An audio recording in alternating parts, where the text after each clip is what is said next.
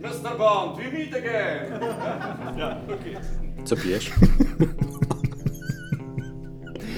Właśnie tak się zastanawiałem, czy nie powinniśmy e, tego podcastu sponsorować, znaczy nie powinniśmy zaznaczyć, że ten podcast jest sponsorowany przez Johnston Gin, ale obawiam się, że gdybyśmy to zrobili, to byśmy musieli na kilka części Mhm. podzielić, mm, bo chyba za pierwszym podejściem by nam się nie udało skończyć omawiania tego filmu. Mogłoby tak być. Dokładnie, ale faktem jest, że to Wesper całkiem, całkiem dobra. True.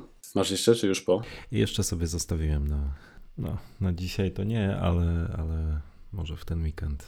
Pogadamy za dwie godziny. ja piję, słuchaj, dzisiaj święty spokój. Browar za miastem. American IPA. Do tego ci życzę. W takim razie świętego spokoju. Dziękuję bardzo. Ale dobra, przechodzimy do rzeczy. E, No tak, tylko nie powiedziałeś, co pijesz. Ja piję coś kompletnie niekraftowego, czyli łomże jasną. A, Łomża jest najlepsza. Ponieważ ostatnimi czasy rzeczywiście to jest moje ulubione piwo z tych, nazwijmy to ogólnodostępnych, koncernowych. Podpisuję się. Łomża i Perła to jest jedyne, co piję z komercyjnych. A tak, perła też, owszem.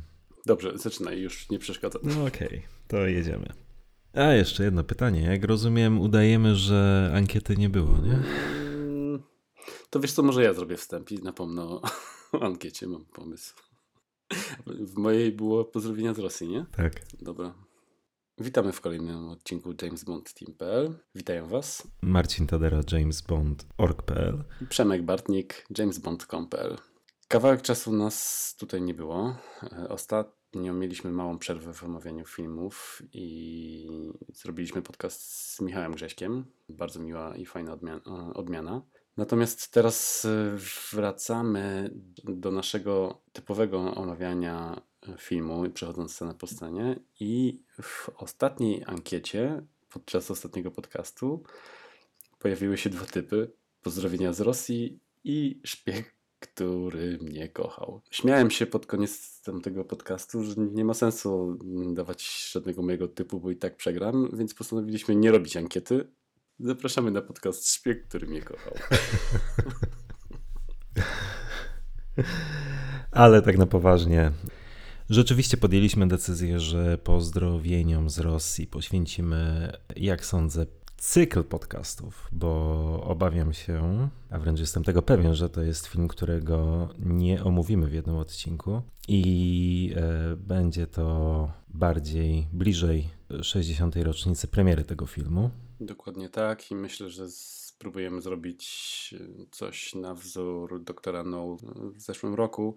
Kto wie, czy nie skończy się to może jakimś pokazem i spotkaniem bondowskim. W sumie O, można tak. pójść w tym kierunku. Oj tak, dokładnie. W zeszłym roku było naprawdę rewelacyjnie. Tak, dlatego w sumie takie wytłumaczenie jest lepsze niż to, że ja zawsze przegrywam w ankietach.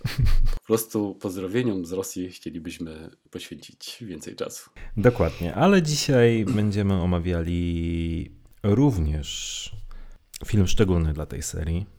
Myślę, że nie będzie przesadą stwierdzenie, że Szpieg, który mnie kochał, jest jednym z najważniejszych filmów w bondowskim cyklu.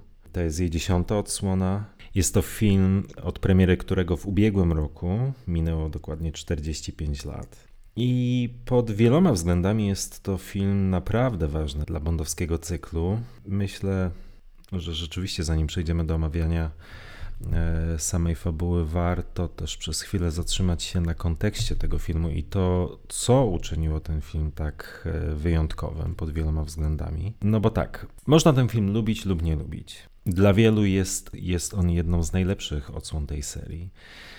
Z kolei są również osoby, do których ja się zaliczam, w których ten film nie wzbudza aż takiego entuzjazmu. Natomiast docenić go trzeba.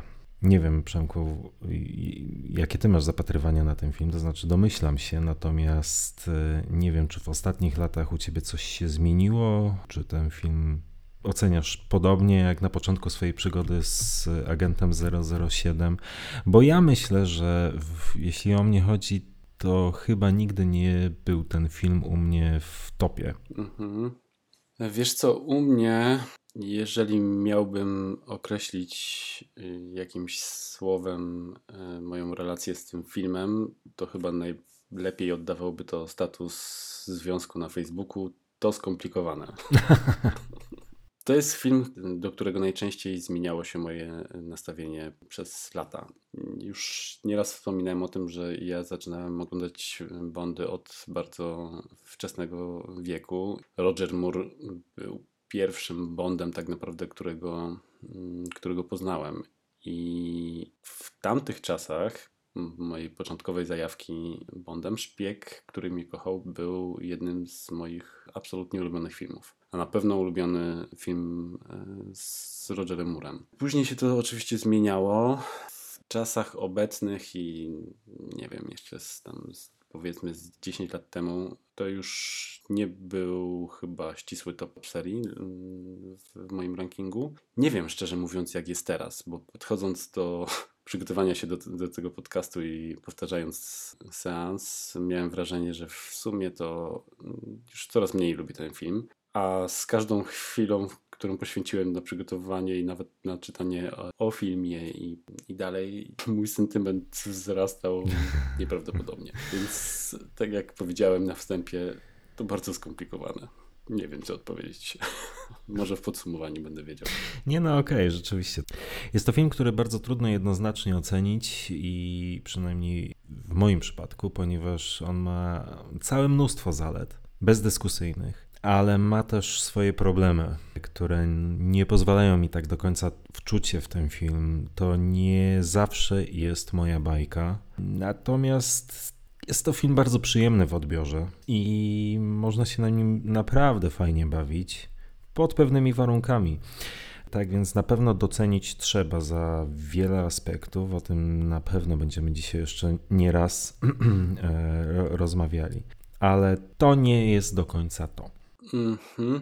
Natomiast y, powiedziałeś bardzo ważną rzecz. Trzeba umiejętnie podejść do, do tego filmu. Bo Bez dwóch zdań. Z y, odpowiednim, luźnym nastawieniem, jakie prezentuje w sumie sam Roger Moore, ten film może przysporzyć mnóstwo radości, a zawiera tyle ikonicznych scen, tekstów, fragmentów dla serii, że mm, jest po prostu w pewien sposób czymś wyjątkowym i czymś, co zdecydowanie należy docenić, nawet jeżeli to rzeczywiście nie, nie jest do końca nasza bajka.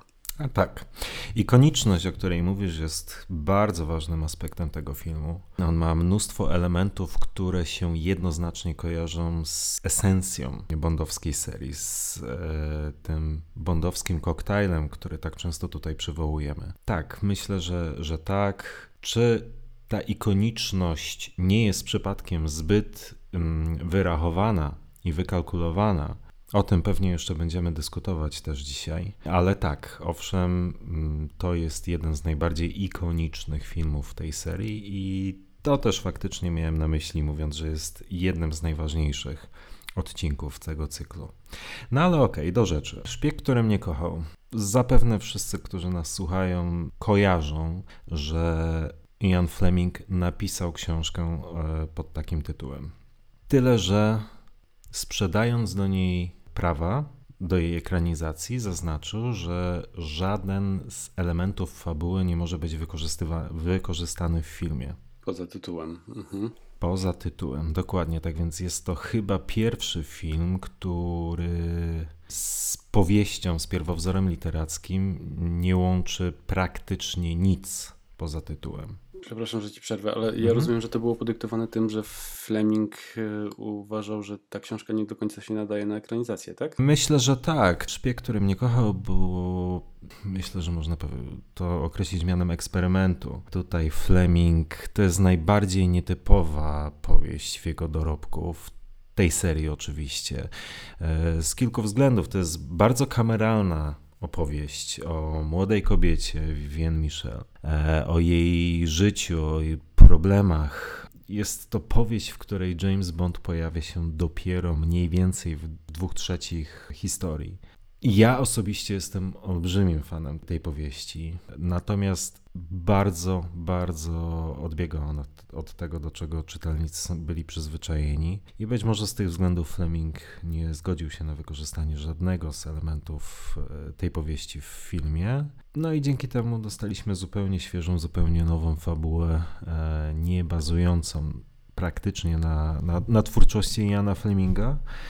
No, film rodził się w bólach. Tak, ja w ogóle myślę, że przede wszystkim największym bólem był fakt, że pod koniec poprzedniego filmu, Człowiek ze złotym pistoletem, już e, mocno atmosfera między Salzmanem a Brokolim zaogniała się, że tak powiem. Współpraca między nimi nie, nie przebiegała tak jak dawniej, a e, Salzman miał już coraz mniej do, do powiedzenia. Jego kłopoty finansowe i kilka nietrafionych inwestycji doprowadziły go do potrzeby zastawienia swoich udziałów. Danżak to było niezgodne z, z umową.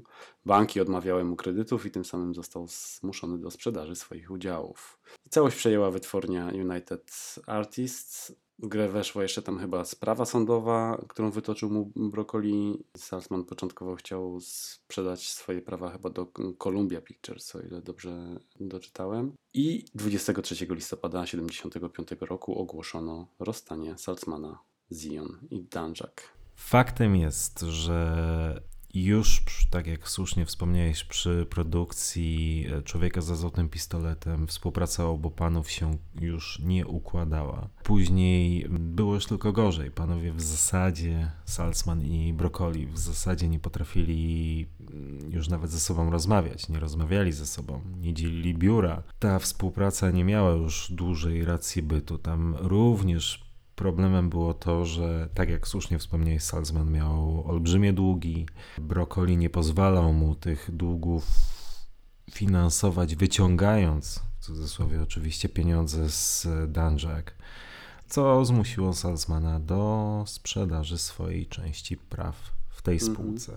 No i tak naprawdę nastał mocny kryzys w serii. Nie było wiadomo do końca co dalej, jak będzie wyglądała przyszłość. Tym bardziej, że człowiek ze złotym pistoletem nie osiągnął takich zysków, jakich się spodziewali. No właśnie. I nie dość, że nie osiągnął zysków, jakich się spodziewali, to był przyjęty raczej chłodno. Przynajmniej jak na to, do czego ta seria przyzwyczaiła producentów.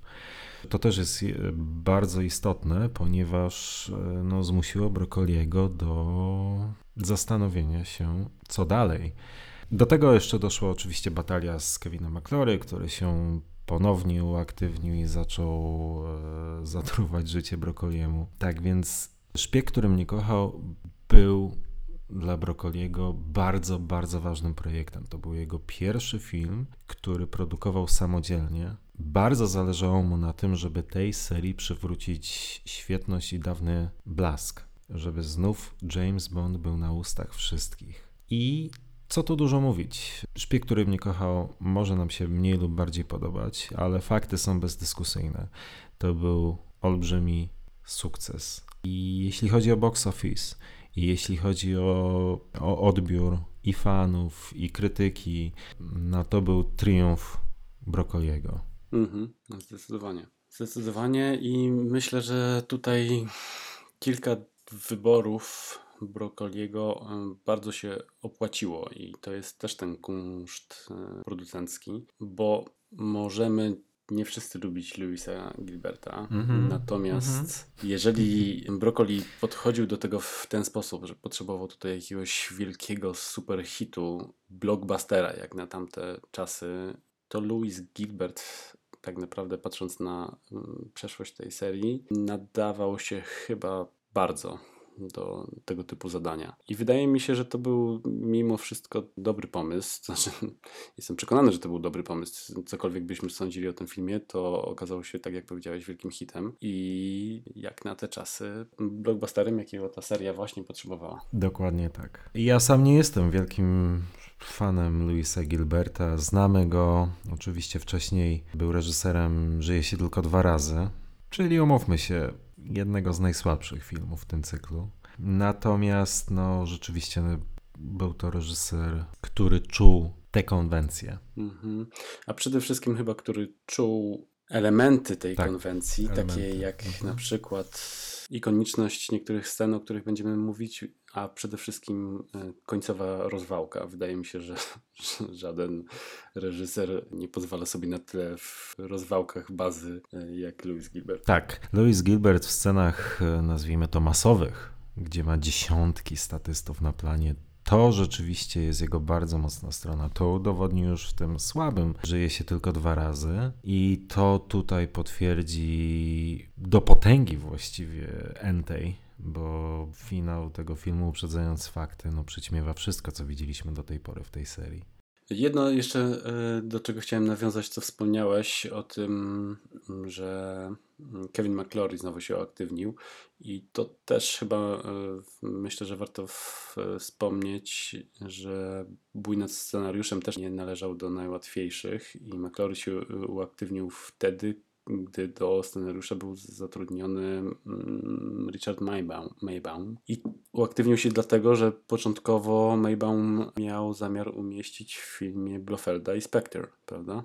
Natomiast Broccoli zarówno przez e, to, że nie chciał wzbudzać kontrowersji i chciał mieć święty spokój, po prostu zdecydował o przepisaniu tego scenariusza na, na, na nowo. Dokładnie, tym bardziej, że McClory y, również zarzucał Brokoliemu, że scenariusz, który tworzył, był zbyt podobny do scenariusza, nad którym on pracował w tamtym czasie, między innymi do spółki z Seanem Connerem. To był film, scenariusz do filmu, który miał nosić tytuł Warhead, który nigdy nie powstał, rzecz jasna, ale każdy powód był dobry, żeby się do Brokoliego dopieprzyć, mówiąc brzydko. Tak więc, no rzeczywiście, to był jeden z powodów, dla których ten film miał roczne opóźnienie, bo on pierwotnie na ekranach kin miał zagościć w 76 roku. Między innymi ze względu na te batalie prawne i przepychanki z McClorem, no i oczywiście pozostałe problemy, o których już przed chwilą rozmawialiśmy,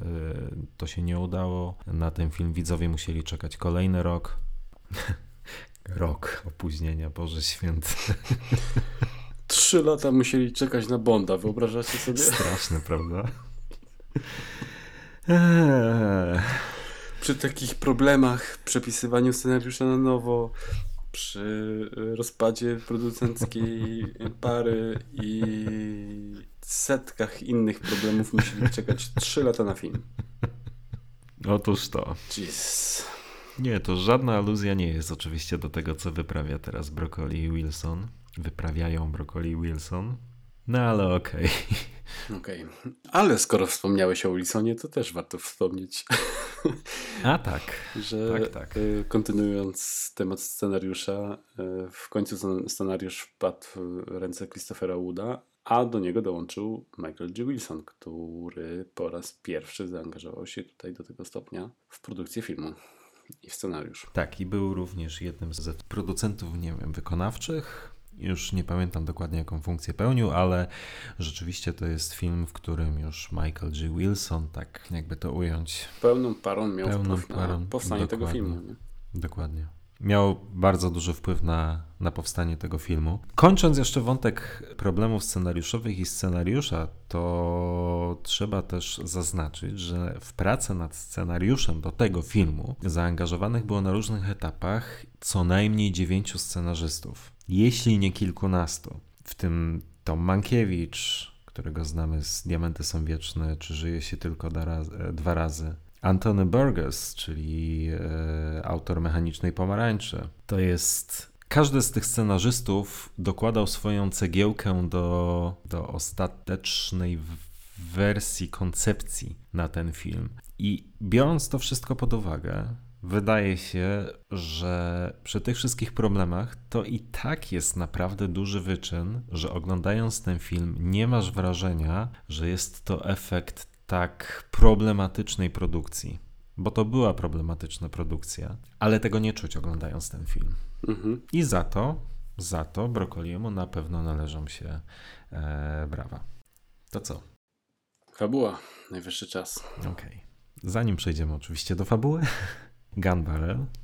Gun Barrel, który jest uważam bardzo dobry. Już w tym miejscu myślę można zauważyć, że e, muzyki do tego filmu nie komponował John Barry ze względów podatkowych, tylko partyturę napisał Marvin Hamlish. I jest to o tyle istotne, że już Gun Barrel jest bardzo szczególny dla ery Rogera Moore'a, ponieważ Roger Moore po raz pierwszy doczekał się aranżacji gitarowej James Bond Team. To jest detal e, już dla totalnych geeków, rzecz jasna, ale faktem jest, że John Barry celowo odszedł od gitary elektrycznej, mm, komponując James Bond Team dla Rogera Moore'a. Jeśli dobrze pamiętam, teraz jakby to ująć, nie uważał Rogera Moore'a za godnego takiej aranżacji. Ostro. Ale wydaje mi się, że gdzieś kiedyś czytałem, że, że no, uważał, że Sean Connery, wiesz, do Seana Connery gitara, brzmienie tej gitary elektrycznej pasuje lepiej, natomiast e, do Rogera Moore'a może niekoniecznie. Tak więc w tym filmie doczekał się wreszcie takiej bardziej klasycznej aranżacji. Mhm. A sam Gun Barrel jest swoją drogą całkiem fajnie zrobiony i całkiem dobre muzycznie. Mhm. Tak, ja też bardzo go lubię i tak naprawdę w ogóle pod względem muzycznym doceniam ten film. Hamlish stworzył bardzo dobrą partyturę. Jestem wielkim fanem muzyki do, do tego filmu, ale już w samym Gun Barrelu e, istotne jest to, że nawiązał do bardziej klasycznego brzmienia James Bond Team z gitarą elektryczną, czego John Barry Rogerowi Moore'owi odmawiał cudzysłowie rzecz jasna. Mm, tak więc mamy tutaj nawiązanie do klasyki. Bardzo dobre. Tak, bardzo dobre i Gunbarrel jest jak, jak najbardziej e, w porządku i szczerze mówiąc ja przygotowując się do tego podcastu dawno nie oglądałem Szpiega, który mnie kochał i pod względem ścieżki dźwiękowej bardzo mi się spodobał. Tym bardziej, że obecnie od jakiegoś już sporego czasu mam taką mocną nakrętkę na retro klimaty lata 80., 70. Zresztą to chyba nie tylko ja, tylko ogólnie jest taki trend. I teraz, kiedy y, słucha się tej ścieżki dźwiękowej, nie wszystkich numerów, natomiast niektóre, a szczególnie ta z początku filmu, w sensie ten utwór z początku filmu, on na ścieżce nazywa się Bond 77, jest po prostu absolutnie genialny. Czego tam nie ma? Jakieś i syntezatory, mm -hmm. i saksofony. Tak tak. jakieś trąbki, gitary, w ogóle wow. Jest to disco. Tak, super, super miszmasz, który w tej chwili brzmi rewelacyjnie. Fantastycznie, dokładnie tak, ale co jest fajne w ścieżce Hamlisha, to to, jak ona jest zróżnicowana, bo mamy rzeczywiście te bardzo retro klimaty lata 70., czy być może nawet trochę wyprzedzające swoją, e, swój czas. Zwłaszcza to, o czym ty mówiłeś, czyli James Bond e, Team 77? Bond tak? 77, chyba tak. Bond 77 po prostu. Mm -hmm. Mhm. Ale z drugiej strony masz na przykład trzeci akt, który jest bardzo klasyczny. Pełne brzmienie orkiestry, fantastyczna partytura, naprawdę to zresztą nominowana do, do Oscara. W ogóle Szpieg, który mnie kochał, to też warto docenić. Otrzymał trzy nominacje do Oscara, co było nie lada wyczynem. I Marvin Hamlish y, zgarnął dwie nominacje, bo jedną za E, muzykę, a drugą za piosenkę, o której za chwilę sobie opowiemy. Trzecią nominację mm, do Oscara otrzymał Ken Adam za scenografię. No ale też nie ma co ukrywać, w starciu z Gwiezdnymi Wojnami ten film szans nie miał. No ale okej, okay. Mm, tyle tytułem wstępu i, i, i, kontekstu. Przechodzimy do już fabuły filmu, e, którą otwiera scena rozgrywająca się na łodzi podwodnej okrętu podwodnego, konkretnie jest to HMS Ranger. Widzimy awarię zasilania. Okręt musi awaryjnie się wynurzyć. Suspens jest. Suspens jest fantastyczny. Osobiście uwielbiam tę scenę. Ona jest tak rewelacyjnie nakręcona. Te wąskie plany, wszystko, wszystko tam działa po prostu bezbłędnie dobra gra aktorska tego drugiego, pff, trzeciego w zasadzie planu, to też warto podkreślić. Wygląda to naprawdę świetnie i ten suspens, o którym ty mówiłeś, suspens, który jest w tym filmie zresztą bardzo umiejętnie budowany, jeszcze w wielu scenach będzie. Też będziemy do tego na pewno jeszcze wracać, bo za to również ten film zdecydowanie warto docenić. I tutaj dostajemy już próbkę tego, ponieważ ten e, zdezorientowanie, strach, zamieszanie na tej łodzi podwodnej zostało rewelacyjnie pokazane na ekranie. Tak, świetnie. No, w ogóle to jest świetny montaż, e, świetna w ogóle zbudowana ta łódź podwodna, bo tutaj też jest studio, natomiast to e, wygląda świetnie. Z tego, co mhm. słyszałem na dodatkach, Ken Adam tutaj w komentarzu mówił, że tu musieli zastosować taki efekt, że zbudowali trochę większą tą łódź podwodną niż faktycznie, tak żeby kamera mogła swobodnie się poruszać. E, natomiast no, wygląda to rewelacyjnie i poprowadzony początek jest świetnie. Łódź się wynurza i tylko uwielbiam to, jak patrzy na ten przez peryskop i mówi oh my god. I na tym etapie my jeszcze nie widzimy Dlaczego tak reaguje kapitan tego okrętu? Ponieważ akcja przenosi się do admiralicji brytyjskiej floty, która dowiaduje się o tym, że okręt HMS Ranger zaginął. Mhm. E, I, I, bardzo lubię te bliźniacze sceny z tą, o którą za chwilę będziemy e, rozmawiać też w Moskwie. Natomiast czerwony telefon to jest coś, co uwielbiam w tym filmie. Wiadomo, że dzwoni, jest jakaś zła wiadomość. Czerwony telefon w Londynie, jedziemy do Moskwy. Mhm. Jedziemy do Moskwy. Tak. Szef KGB Generał Gogol? Generał Gogol też odbiera czerwony telefon. Dowiaduje się, że Patiomkin również zaginął. Ta sceneria, w której jest Gogol, to jest też fantastycznie wyglądający gabinet, mm -hmm. tak to można powiedzieć, tylko turbo różniący się od tego w, w Londynie. Olbrzymia przestrzeń, a tak Oj, naprawdę tak. wydaje mi się, że po prostu namalowany obraz z, za plecami e, Gogola, który imituje taką wielką jakąś, nie wiem, nazwijmy to po prostu siedzibą. Natomiast no właśnie, no właśnie. Świetnie, świetnie to wygląda. To są tak surowe przestrzenie. No wiadomo, to jest takie subtelne albo niesubtelne, wręcz przeciwnie, oddanie, bo ja wiem, ducha socrealizmu oczami ówczesnych Brytyjczyków. Mm -hmm. Ale jest to fajne, jest to charakterystyczne, jest to bardzo ciekawy zabieg. Podobnie jak ten, który ma miejsce teraz, e, za chwilkę, czyli generał Gogol mówi, że jak on to się wyraził, w każdym razie chce się skontaktować ze swoim najlepszym agentem. Mm -hmm, Cięcie, widzimy w łóżku kochającą się parę. Mm, mhm, tak. Kobietę i mężczyznę. I wszyscy spodziewają się, że tym najlepszym agentem będzie ów mężczyzna, ponieważ to on wykonuje ruch w kierunku telefonu, jeśli mnie pamięć nie myli. Wszystko na to wskazuje, a tymczasem okazuje się, że 3X, agentem 3X jest kobieta, a nie Amasowa.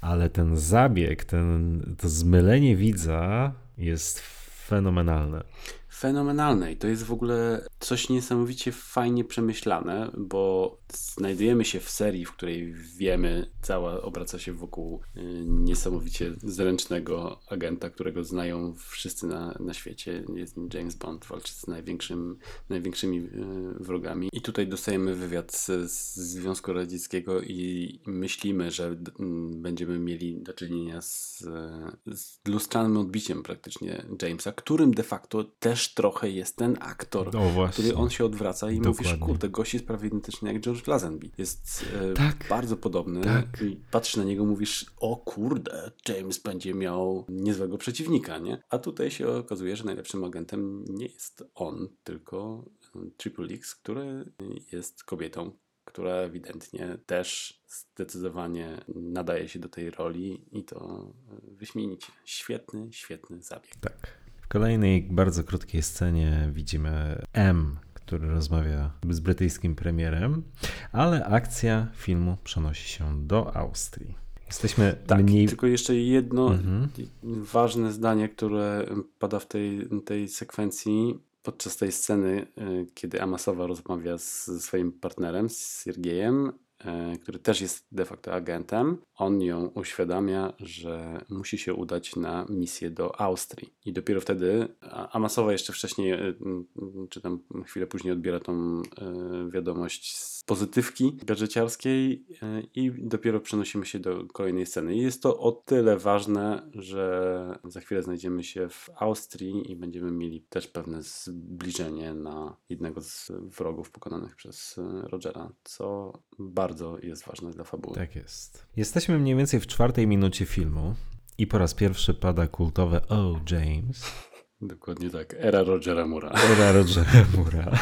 Otóż to. Na swoim wypasionym zegarku Seiko Bond otrzymuje wiadomość. No i cóż, służba nie drużba, pomimo fantastycznych okoliczności przyrody i nie tylko, zaczyna się szykować do wyjścia. Tutaj pada też kultowy wręcz tekst, kiedy kobieta, z którą spędzał upojnie dzień, rzuca do niego potrzebuje cię. Na co Roger Moore odpowiada Anglia, Anglia również. I wychodzi. To jest w ogóle. Ja uwielbiam ten, ten fragment. Naprawdę całość. Od samego, od pierwszej, gdzie jest James i o, James i ta chata. Ta chata ma e, zajebisty wystrój, jest świetnie sfilmowana. Modelka Playboya, Roger Moore robi swoje, z czego w swojej e, erze jest e, bardzo dobrze znany. I to w jakiś sposób on tutaj odbiera tę wiadomość i wychodzi, ubiera się w ten żółty kombinezon. I to odwrócenie przy drzwiach i usłyszenie tego tekstu James, I, but I need you, Source England. To jest po prostu esencja. Esencja ery Rogera, esencja tak. komediowej części serii i to jest jeden z tych fragmentów ikonicznych, o, której, o których mówiliśmy na początku i coś, za co tą serię każdy fan komedii po prostu ubóstwia. I ten odcinek będzie nam pokazywał kilka, kilka takich jeszcze e, fragmentów, ale już zaczyna się z naprawdę rewelacyjnej sceny. Uwielbiam ten początek. Tak. Zgadza się, chociaż niesprawiedliwe byłoby sprowadzanie, ja wiem, że nie do tego zmierzałeś, mhm. ja tylko uprzedzam fakty. Niesprawiedliwe byłoby postrzeganie całego The Spy Who Loved Me przez pryzmat właśnie tej sceny, jeśli chodzi o, jeśli chodzi o konwencję tego filmu, ponieważ rzeczywiście ta będzie się zmieniała z biegiem, z biegiem filmu i Roger Moore, o ile w tej scenie i w kilku następnych będzie grał z takim bardzo dużym dystansem do siebie, do do, serii. Ewidentnie jest to mruganie okiem do widza, czy postawa, którą wiem, w, w Anglicy określają mianem tongue in cheek. O tyle później to też się zmieni. Mhm. Roger Moore będzie potrafił mm, bardzo poważnie podejść do wielu scen. Czym osobiście mi imponuje, ponieważ rzeczywiście mm, myślisz, Roger, przepraszam, mówisz, Roger Moore, myślisz, ach, podniesiona brew, i właśnie tego typu zagrywki, jakimi świadkami jesteśmy w tej, jakich świadkami jesteśmy w tej scenie.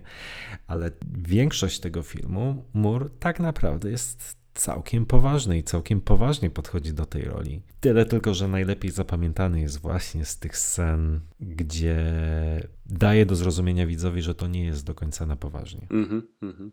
Dokładnie tak. Bardzo dobrze powiedziane i zgadzam się w 100%. I, I tak, ja też go doceniam za te mm, sceny, o których y, mówiłeś. Natomiast nie da się ukryć, że we wszystkich możliwych jakichś zajawkach serii, trailerach, urywkach montażowych nie zobaczymy e, Rogera Mura w tych suspensowych e, elementach, tylko przede wszystkim widzimy te wszystkie komediowe e, gagi. Tak jest zapamiętana jego era, ok. Wielu z nas bardzo docenia tylko dla Twoich oczu i te elementy, o których wspominałeś, ale tutaj jednak zdecydowanie w jego przedstawieniu tej postaci wygrywają chyba te elementy w mhm. kontekście zapamiętania postaci. I ten, o którym sobie teraz powiedzieliśmy, jest jednym z najlepszych przykładów. Dokładnie tak, dokładnie tak. No dobrze, wiemy, że kobieta, z którą Bond spędzał tak przemile czas w Austrii, mm, współpracuje z radzieckim wywiadem. Dzięki jednemu z cięć montażowych widzieliśmy, że ekipa zbliża się w kierunku chaty. Chaty? Domku. Chaty z łożem. Chaty w górach, chatki w górach. Tak więc wiemy, że James Bond jest w niebezpieczeństwie i tak rzeczywiście jest, ponieważ kiedy Bond zaczyna szusować na nartach, ekipa Rosjan rozpoczyna pościg. i zaczyna się scena, która jest niesamowicie efektowna. Scena szaleńczej jazdy na nartach połączonej z strzelaniną, potyczką, wszelkimi możliwymi sposobami z, z Rosjanami. Ilustrowane to wszystko jest fantastyczną muzyką, o której przed chwilą e, rozmawialiśmy. To jest scena, w której chyba wszystko gra. To jest taka kwintesencja Bonda lata 70, końcówki lat 70. Taki wzorzec Sèvres bondowskiego koktajlu w ówczesnym rozumieniu tego określenia. Dokładnie tak. Ta, ta muzyka to jest właśnie dokładnie to jest ten numer, ten Bond z 77, James Bond Team. I e, on tutaj szaleje niesamowicie po prostu. I z montażem tego pościgu na nartach i z tym kombinezonem żółty, żółtym z czerwonym plecakiem. To jest po prostu 70 kosmos który ja bardzo, ale to bardzo lubię. I to działa, i to działa, to działa do dziś, to wygląda fantastycznie. Nawet nie mogę powiedzieć, że, że, że ta scena działa przez sentyment. Po prostu to wszystko, to się nie zastarzało, to jest rewelacyjne nawet dziś. Jeśli oczywiście ktoś kupuje tę konwencję. Natomiast jest to zrealizowane bezbłędnie, mhm. fantastycznie. Oczywiście, że tam jest tylna projekcja jak najbardziej, no ale w tamtych czasach tego pewnie sfilmować się inaczej nie dało. Ale, ale tak poza tym kapitalnie, a przede wszystkim kończy się kolejnym mm. fenomenalnym, fantastycznym tak, suspensem. Czyli Bond. poczekaj, poczekaj, poczekaj, bo zanim dojdziemy do tego, to jeszcze e, trzeba wspomnieć, że James się odwraca na nartach i z kijka zabija e, jednego z mm -hmm. adwersarzy. Natomiast y, oczywiście wszystkich ubranych na czarno, y, jak żeby inaczej. Jest takie szybkie, sekundowe zbliżenie na twarz, y, w którym możemy zauważyć, że to jest właśnie partner Ama, Amasowej. Tak. Siergiej. Tak, tak, tak, właśnie. To o tym koniecznie trzeba wspomnieć, ponieważ to jest element, który jest bardzo istotny dla fabuły. Właśnie dobrze, że to powiesz, bo ja ostatnio powiedziałem, że to jest bardzo ważne dla, dla fabuły, ale tak naprawdę to jest po części taki McGuffin. Yy, właśnie i już po tym, jak to powiedziałem, zostawimy to w montażu, ponieważ to jest też pewnie przyczynek do dyskusji. Na teraz albo na później, tak, rzeczywiście, to twórcy dają nam do zrozumienia, że to będzie ważne dla fabuły, natomiast w rzeczywistości ten wątek później się rozmywa, albo może inaczej. To jest coś, co miało olbrzymi potencjał, wokół czego można było zbudować fantastyczny film, ale ten potencjał nie został wykorzystany należycie. Za co ja osobiście mam żal do twórców, bo to dopiero byłoby coś, gdyby ten wątek należycie wykorzystać. Tym niemniej, no jest to też przyczynek do jednej bardzo fajnej sceny, która będzie w dalszej części filmu, którą w dalszej części filmu omówimy bardziej szczegółowo. Tym niemniej, masz rację, można rzeczywiście to określić mianem magafinu. Tak, tak.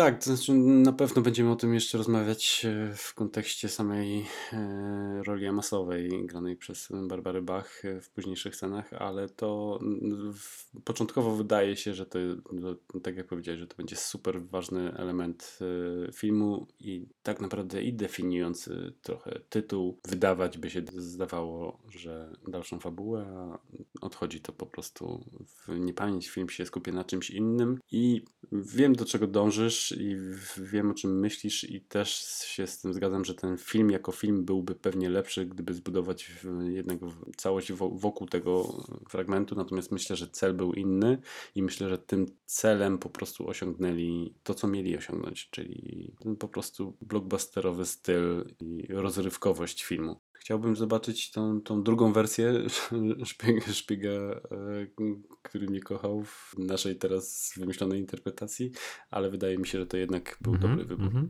Tak, tak, tak, jak najbardziej. No ale lećmy do tego kolejnego ikonicznego. E, Jasne. Mhm. Okej. Okay. No z całą pewnością jeszcze do tego tematu siłą rzeczy będziemy musieli wrócić w później, nieco później, Dokładnie. za parę godzin, no tak pójdzie dalej. Dokładnie. Ale lecimy dalej w przepaść. I zacząłeś o tym mówić. To jest kolejny motyw z tej sekwencji początkowej, który jest nagrany fenomenalnie i jest kolejną sceną, która jest po prostu w top topów, jeżeli chodzi o rozpoznawalność serii i jest niesamowicie odjechana, ikoniczna, kultowa. Nie wiem jeszcze jakich użyć słów, za każdym razem sobie obiecuję, że wymyślę wcześniej więcej, natomiast jest rewelacyjna i to jest też świetnie, że ta muzyka przy tej przepaści przestaje całkowicie grać. Jest cisza. Gość spada na jednym długim ujęciu i te narty się odpinają, nie wiadomo co się tu stanie, a chwilę, okej, okay, pojawia się spadochron, ale jaki do cholery spadochron? Spadochron w flagę Wielkiej Brytanii i zaczyna być słychać James Bond Team to jest po prostu, ja mam ciary za każdym razem, jak to widzę, jak o tym mówię i wyobrażam sobie, e, jak publiczność w Odeon Leicester, Leicester Square reagowała na to i myślę, że, zresztą czytałem gdzieś, też gdzieś o tym, ale myślę, że to jak byłem e, w, na Skyfall e, w Londynie, to było taką mikronamiastką tego, jak świrowało kino w Londynie widząc tą scenę. Kosmos.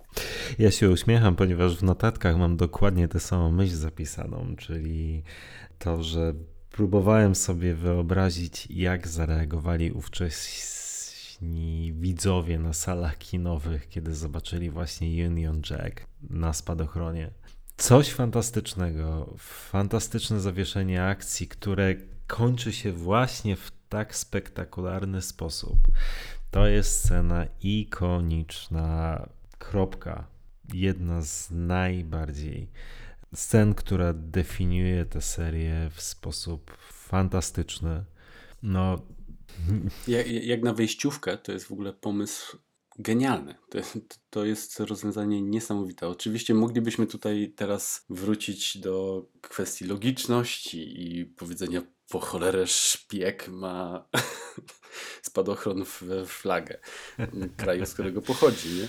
ale tu kompletnie nikt o tym nawet nie pomyśli, bo po co? To jest po prostu uświadomienie widza w 100% mamy do czynienia z, z czystą rozrywką, z genialnymi pomysłami. Dokładnie tak. Dokładnie tak. Nawiasem mówiąc, e, to jedno długie ujęcie, bo o tym też warto wspomnieć, to, że ten skok ze spadochronem, ten spadanie w przepaść jest, zostało sfilmowane w jednym długim ujęciu, to też jest przypadek ponieważ to jest jedyne ujęcie, które udało się zarejestrować. Wszystkie inne kamery nie zarejestrowały tego skoku, do którego zresztą przygotowywano się bardzo, bardzo skrupulatnie. Czekano na odpowiednią pogodę w zasadzie tygodniami i zrobił to jakiś tam absolutny szaleniec. Natomiast e, no jest to poniekąd dzieło przypadku, ale, ale czasami przypadek wychodzi w zasadzie bezbłędnie i tak właśnie jest w tym konkretnym przypadku. Dokładnie tak, bo tam chyba pięć kamer było i wszyscy zgubili skoczka poza, poza jedną na szczęście, bo nie wiem, czy chciałbyś skakać drugi raz, tym bardziej, że tam e, widać na tym jednym ujęciu, że w sumie mało brakowało, żeby ta narta przecięła spadochron, a wtedy to też nie wiem, czy sukces filmu toczyłby się tak, tak dobrze. Dokładnie tak. Czołówka. Czołówka. I w tym momencie robimy cięcie montażowe, ponieważ muszę iść. Ja też. Mhm.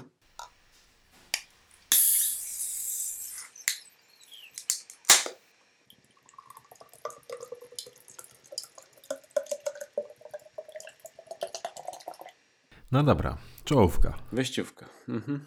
Dla mnie jedna z lepszych. Muzyka? Piosenka, przepraszam. Piosenka też jest jak najbardziej całkiem fajna. Mhm. Ogólnie ta wejściówka jest jedną z lepszych. Tak. Nie wiem, czy to. Wydaje mi się, że to też po części na to wpływa ta genialna sekwencja początkowa, która przechodzi w tą piosenkę.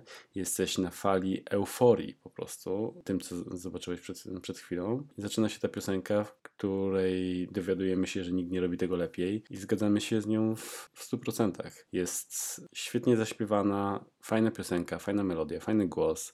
Do tego wejściówka Bindera jest tutaj rewelacyjna. W porównaniu z poprzednim filmem to też jest Niebo Ziemia. Ja uwielbiam wejściówkę z szpiega, e, który mnie kochał pod względem estetycznym, barw, kolorów, które się tam pojawiają. To, że widzimy tutaj też chyba jeden z pierwszych, jeśli nie pierwszy, nie pierwsza wejściówka, w której widzimy jakby Rogera Mura jako aktora w wejściówce. Tak, dokładnie tak. I co jest jeszcze charakterystyczne, to to, że ta piosenka, ta wejściówka w pewnym sensie opowiada jakąś historię. Czyli ten leitmotyw tak fajnie ilustruje leitmotyw filmu zbliżenia bloku wschodniego i zachodniego. Czy osób, które stoją po wydawać by się mogło przeciwnych stronach barykady. To jest coś ciekawego, ale zgadzam się z Tobą w 100% i muzycznie, ale przede wszystkim wizualnie. To jest fenomen, to jest jedna z najlepszych czołówek tej serii, zdecydowanie. Mhm. Tak, tym bardziej, że y, ja w sumie, jeżeli miałbym wymienić swoje ulubione piosenki, to nie wiem, czy um, umieściłbym ją w jakimś super ścisłym topie. Natomiast w połączeniu z tą wejściówką, z sceną poprzednią i podczas oglądania filmu, ją absolutnie uwielbiam. To nie jest piosenka, którą puszczam często, jak mam ochotę usłyszeć buntowski motyw, ale oglądając film jestem zachwycony. Mhm. Jasne, dokładnie tak. Tak, tak, tak. No dobra, przenosimy się do siedziby w Rosji, w Związku Radzieckim. Amasowa wchodzi i dostaje instrukcję od towarzysza generała. Siergiej Barskow nie żyje. Przykro mu Gogolowi w sensie i zabił go brytyjski agent. A Amasowa bardzo chętnie dowie się, kto go zabił i chętnie go pozna. I mamy cięcie na Jamesa w mundurze, A, co jest zdecydowanie warte odnotowania. To jest zdecydowanie warte odnotowania, ponieważ Jamesa Bonda bardzo rzadko możemy podziwiać w mundurze e, Royal Navy. A mur wygląda w tym mundurze bardzo efektownie. Tak, i to jest kolejny wielki plus Louisa Gilberta, bo Jamesa w mundurze marynarki wojennej widzieliśmy 10 lat wcześniej w You Only Live Twice, też reżyserowanym przez niego, więc widać, że Louis ma podobne chyba, albo Louis, albo scenarzyści, podobne uwielbienie do Jamesa w mundurze jak my. Natomiast to jest też fajny, fajny motyw nawiązujący w pewien sposób do jego poprzedniego Bonda. I rzadki motyw, bo tak naprawdę kolejny raz Jamesa zobaczymy dokładnie za 20 lat, w 97 roku w Tomorrow Never Dies. Tak, a szkoda.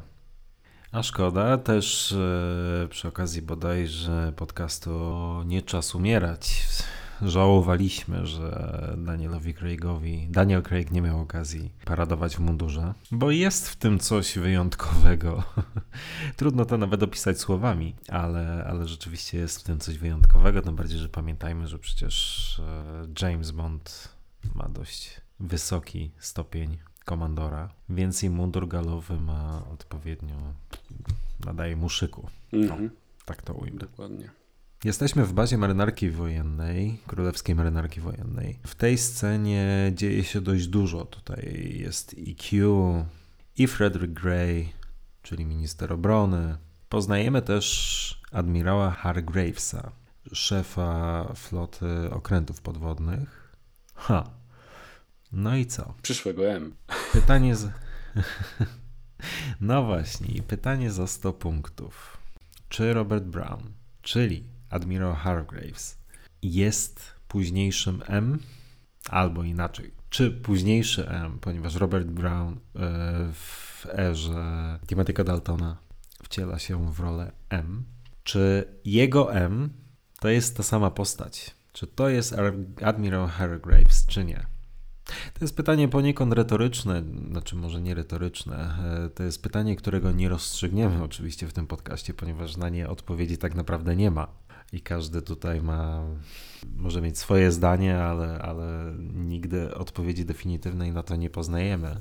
Natomiast ja osobiście lubię myśleć, że rzeczywiście Admiral Hargraves po odejściu, po śmierci, nie wiem, po erze M, czyli e, Milesa Messerviego, w którego wcielał się Bernard Lee, został M, nowym M. Mhm nowym szefem MI6. To się wszystko pięknie spina, więc e, dlaczego nie? I ja też jestem zwolennikiem, fanem tej, tej teorii. Awansował, został M. Fajny motyw. To jest w ogóle e, ta scena e, aż kipi od takich, takich motywów tak naprawdę, bo mamy tu jeszcze George'a Bakera, który w tajnej służbie jej królewskiej mości wystąpił w Ach, e, roli faktycznie. e, genealoga Hilarego Mhm. Breya. E, Mówiliśmy o tym też przy okazji właśnie omawiania On Her Majesty's Secret Service. Tylko tam wtedy powiedzieli, powiedzieliśmy sobie, że mm, on się pojawił w, w późniejszym filmie, natomiast to jest dokładnie ten aktor. I to też od razu twarz znajoma, sami znajomi w tej scenie. Mhm. No, wracając jeszcze tylko do, do wątku M, bo oczywiście nie można wykluczyć tego, że Robert Brown wpadł w oko Brokoliemu i przy nadarzającej się okazji wrócił do, do tego aktora, powierzył mu zupełnie inną rolę. Tak jak to bardzo często się dzieje w bondowskiej serii.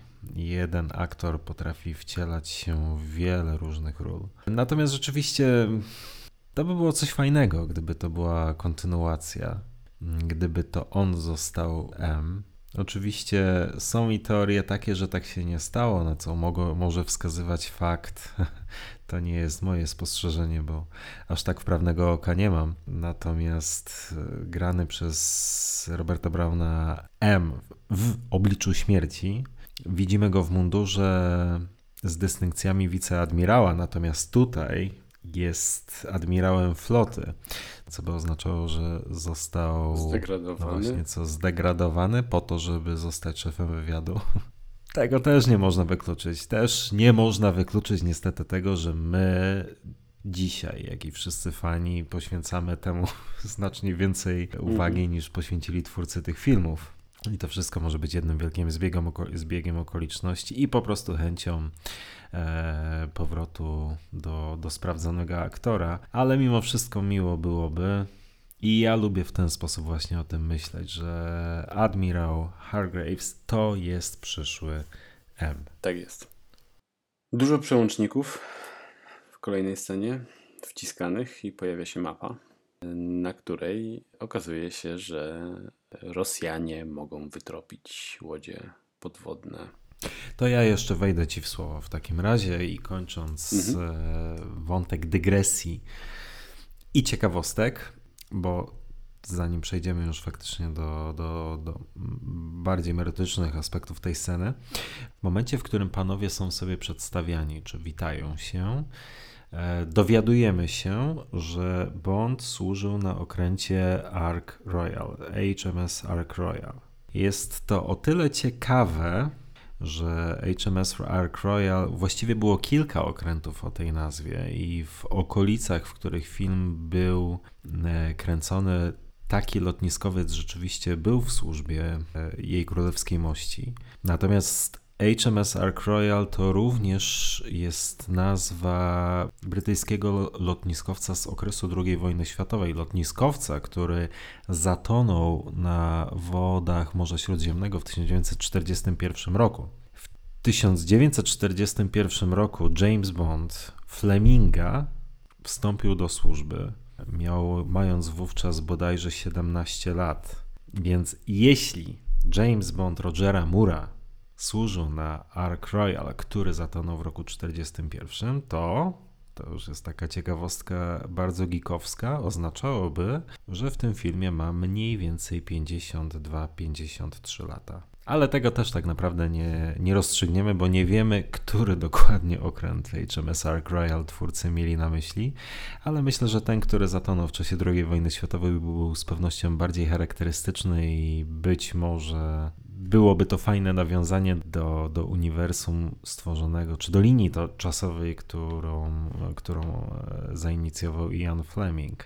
Taka Mhm. ciekawostka, jak już mówiłem, dla geeków. No, ale w sumie nie, wiek nie odbiegałby mocno od wieku Rogera Mura, więc to jak najbardziej wszystko się spina. No właśnie, on, w, Roger Moore, w, kiedy kręcił ten film, był w okolicach pięćdziesiątki, więc porównaj sobie Rogera Mura w Szpiegu, który mnie kochał, gdzie wygląda jakby był w szczycie swojej właściwie formy, z Seanem Connerem, który miał pod czterdziestkę, kiedy kręcił Diamenty są wieczne, gdzie wyglądał już naprawdę staro. Tak jest. Widać, kto więcej używał y, życia i sławy.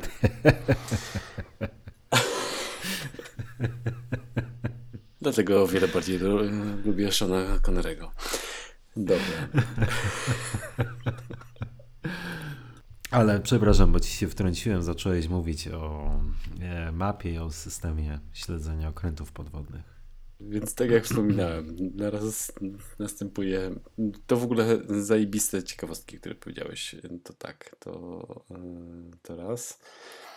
No i co? Cięcie. Widzimy mnóstwo jakichś tak białych przycisków chyba wciskanych, które powodują po prostu wyjazd mapy i nakładanie. Lubię w ogóle ten moment i ten motyw nakładania trajektorii podróży łodzi podwodnej i okazuje się, że Rosjanie są w stanie dokładnie od, odwzorować, a przynajmniej tak się wydaje, bo to zostaje wysnuty wniosek tak naprawdę, nie? Tak, ponieważ ta scena jest akurat o tyle istotna, że e, przedstawia nam się kolejny tak naprawdę McGuffin tego filmu, bo zaginięcie okrętu HMS Ranger jest o tyle istotne, że jego kurs znały tylko trzy osoby, a mimo to został wyśledzony i nam jako widzom zakomunikowane jest, że wywiad brytyjski w Kairze pozyskał mapę dokładnie odwzorowującą e, kurs okrętu. Co oznacza,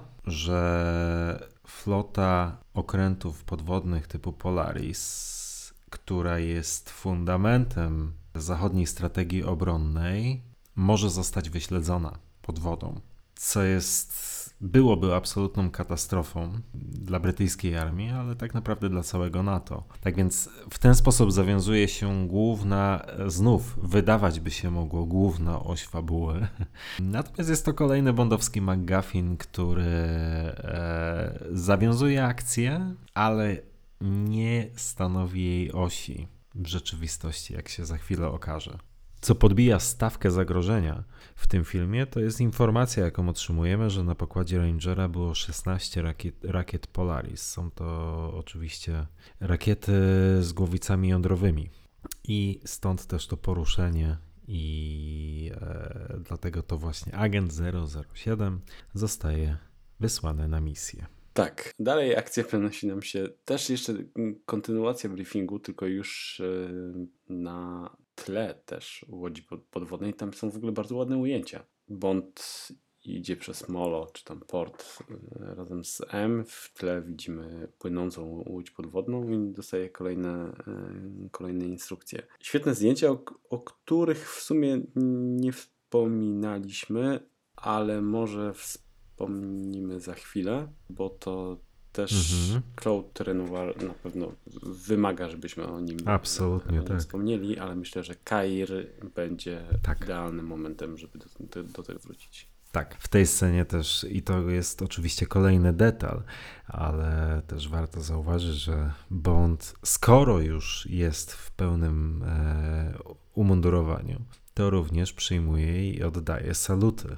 Co wygląda naprawdę, naprawdę mur w tej scenie wygląda świetnie. I to jest ta poważna, poważna wersja Rogera Mura. Tutaj już nie ma mrugania okiem, tutaj już nie ma dowcipów, tutaj już nie ma śmieszkowania, tutaj już nie ma tego dystansu do postaci. Tutaj to jest całkiem poważne wczucie się w, w postać Jamesa Bonda. Dokładnie tak. Stromberg. Tak jest. Przenosimy się do Stromberga. 15 minuta filmu i poznajemy głównego antagonistę, szpiega, który mnie kochał, czyli Karla Stromberga. Sekretarka, asystentka wprowadza naukowców. Mhm. Doktora Bechmana i profesora Markowica. Dokładnie. Otrzymują podziękowania, informacje, że każdy z nich otrzyma pokaźną premię. Dodajmy może jeszcze tytułem wyjaśnienia, że to są twórcy systemu śledzenia łodzi podwodnych. Dokładnie. Natomiast jednocześnie otrzymują informację, że ktoś zdradził i po części jest jakby taka sugestia, że to jeden, jeden z nich. Oni się też patrzą na siebie. Jest taka atmosfera prawie jak w Thunderballu, prawie, bo robi to znaczną różnicę. W Thunderballu chyba wydaje mi się, że wyszło to y, o niebo lepiej.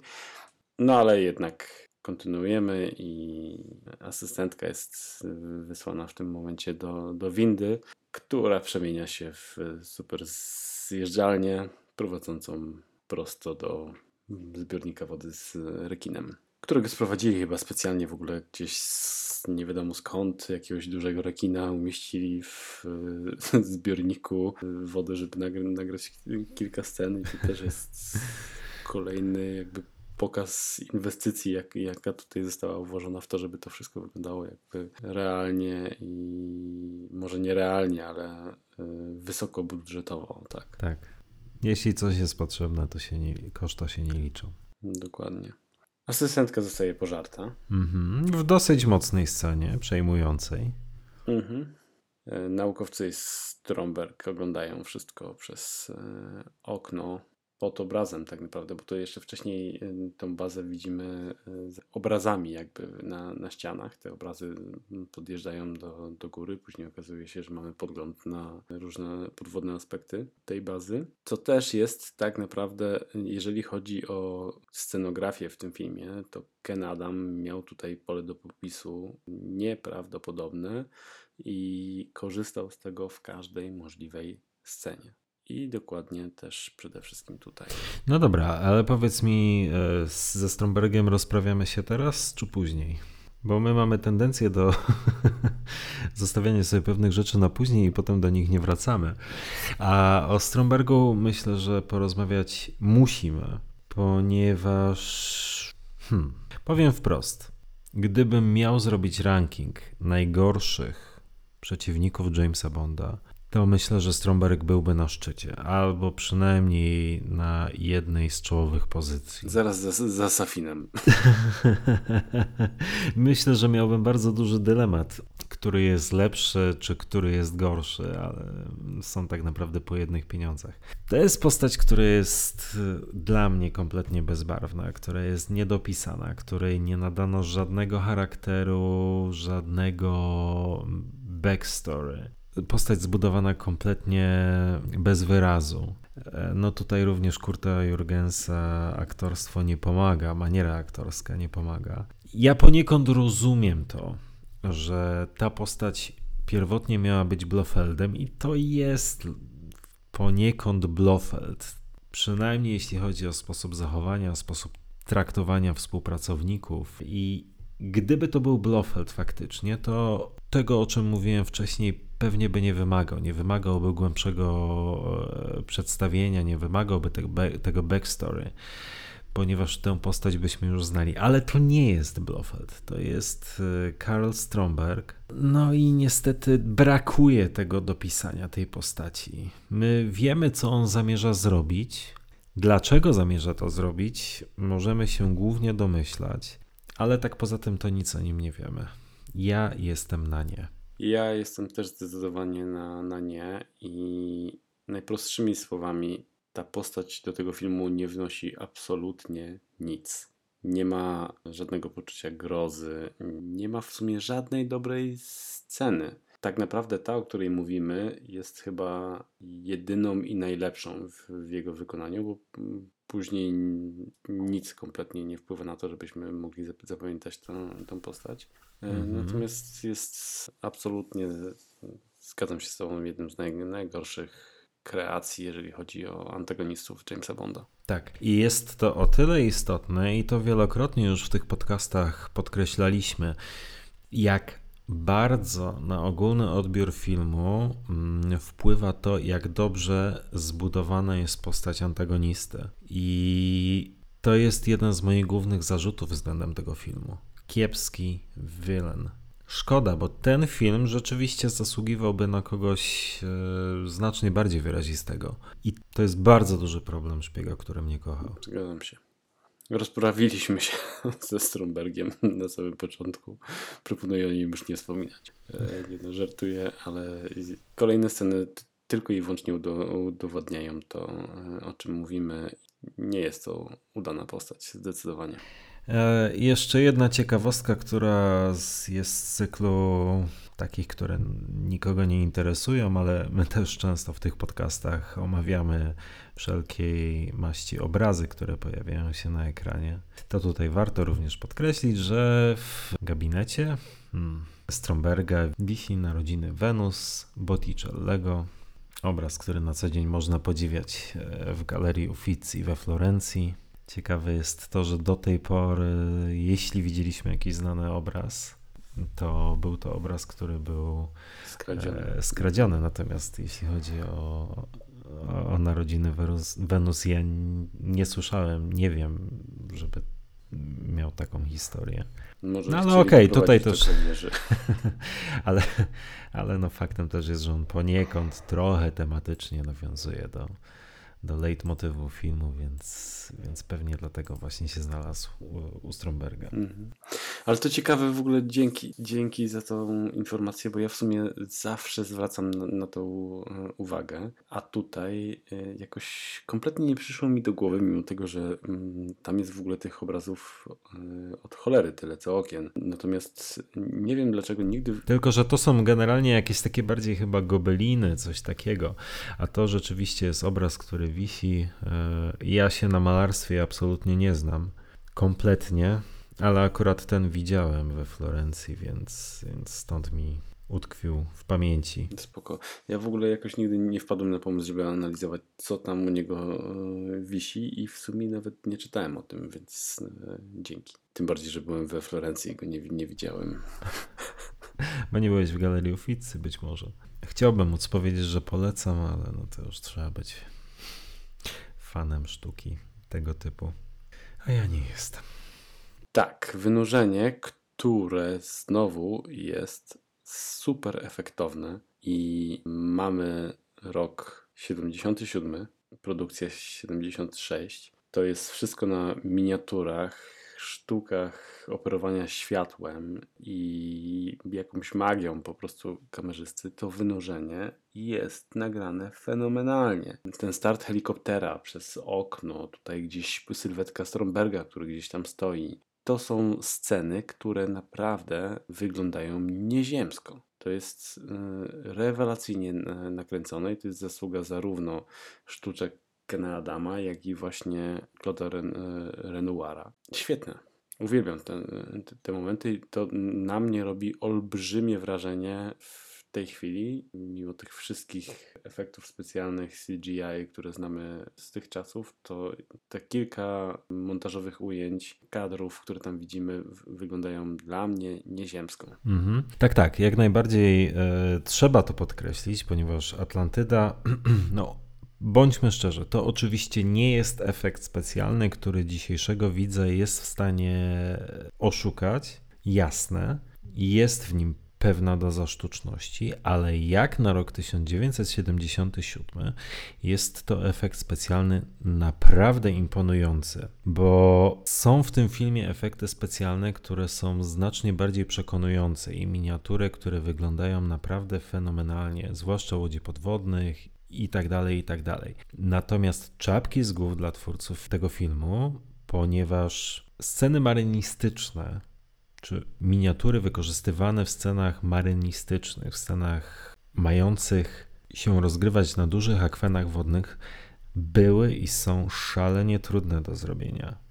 O ile miniatury, e, powiedzmy, efekty specjalne w filmach rozgrywających się w kosmosie są stosunkowo oczywiście proste do zrobienia, o tyle te, które się rozgrywają na wodach mórz i oceanów, są bardzo trudne, ponieważ nie jesteś w stanie oszukać perspektywy, jaką dają woda i krople wody.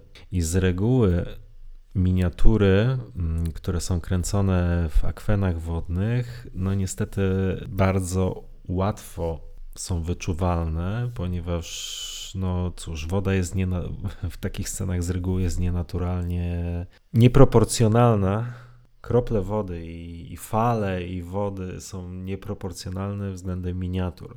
A tutaj to naprawdę wygląda całkiem nieźle. I ja oglądając ten film w roku, no chociażby, nie wiem, te dwa tygodnie temu, kiedy oglądałem, przygotowując się do tego podcastu. Ja kiwałem głową z uznaniem, nawet nie na zasadzie, no jak na rok 1977 wygląda to nieźle. Nie, to wygląda nawet dzisiaj całkiem fajnie.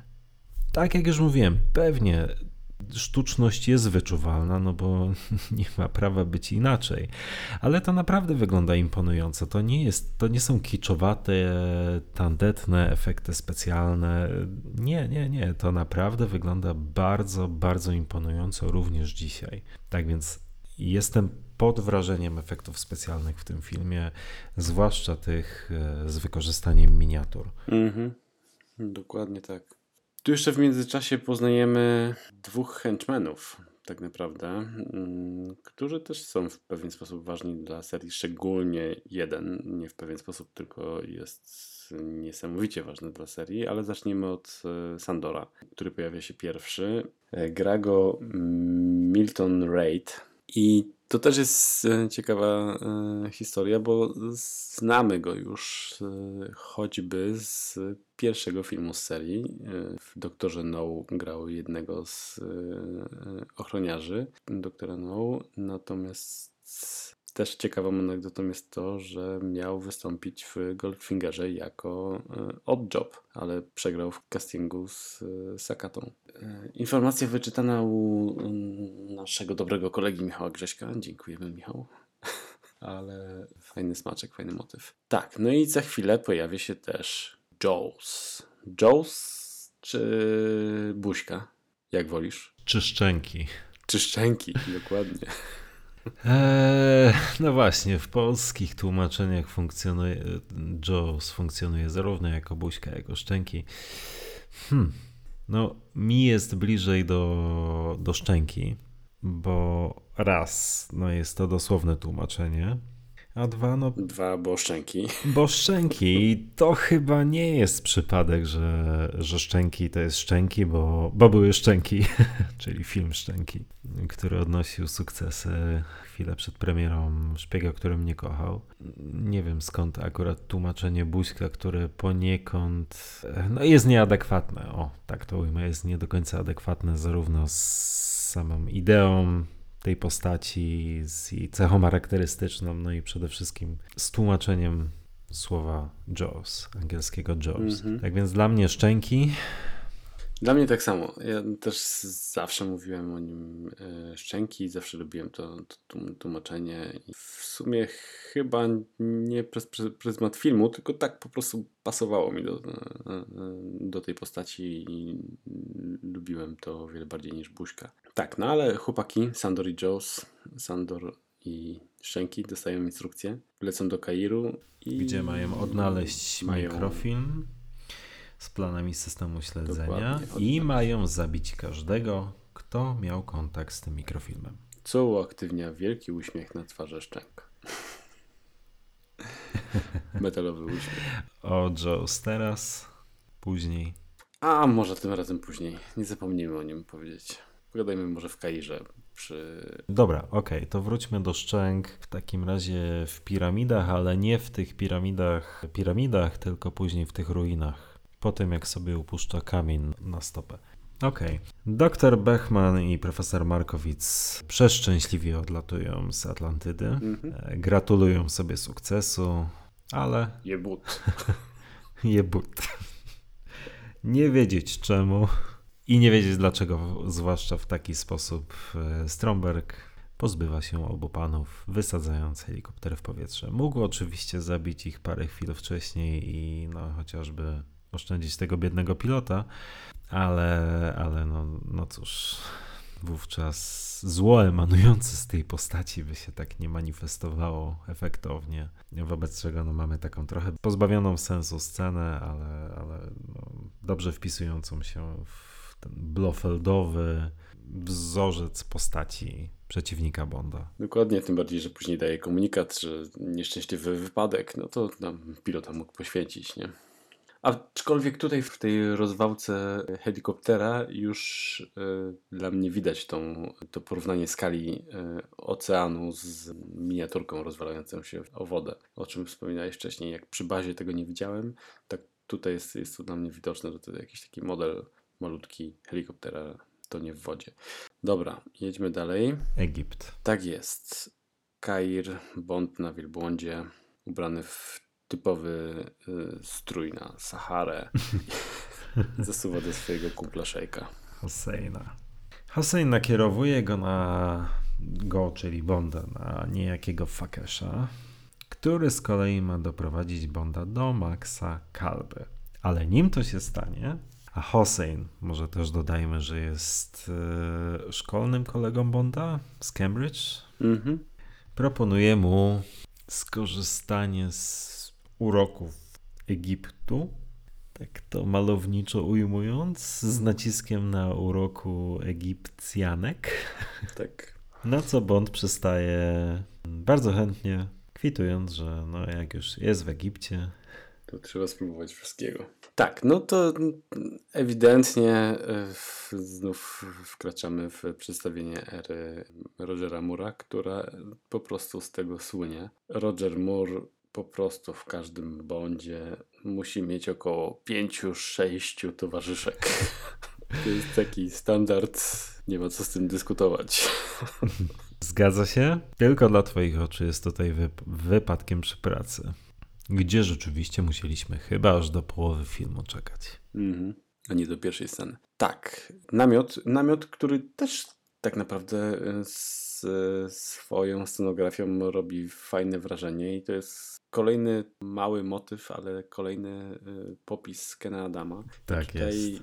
tak naprawdę w każdej możliwej scenie Ken Adam po prostu y, przechodził sam siebie. Super. Mhm.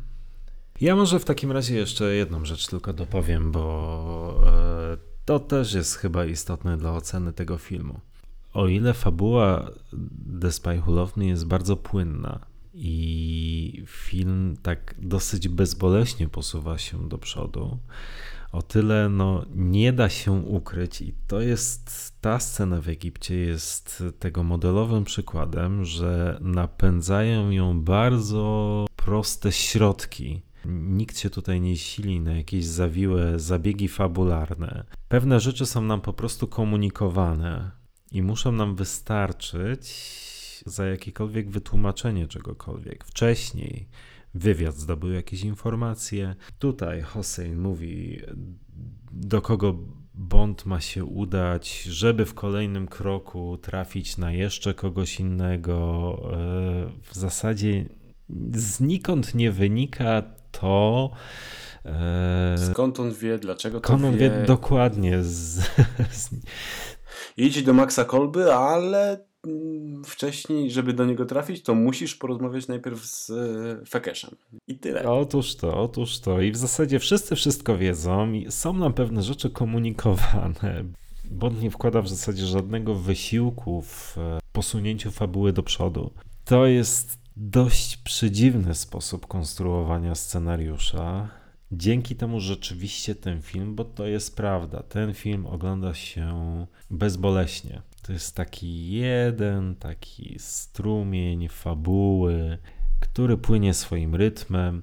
Natomiast jeśli przeanalizować scenariusz pod kątem jego złożoności, to to jest fabuła prosta jak drut. Ja nawet nie twierdzę, że to jest coś złego, bo nie zawsze złożone zabiegi fabularne są tym, czego ta seria potrzebuje, ale tutaj rzeczywiście twórcy poszli na straszną łatwiznę w przedostawaniu się z punktu A do punktu B, z punktu B do punktu C i tak dalej, i tak dalej. To jest bardzo proste, żeby nie powiedzieć prostackie scenopisarstwo. Mhm. Znaczy, o dziwo, albo może nie o dziwo, tylko przy tak obranej konwencji to po prostu działa. Jeżeli coś takiego zastosowalibyśmy w bardziej złożonym filmie, jak w Skyfall, to może by nie zadziałało.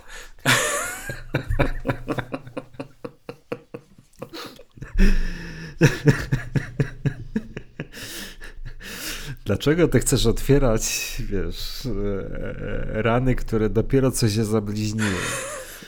To taka dygresja i żart. Taki żart.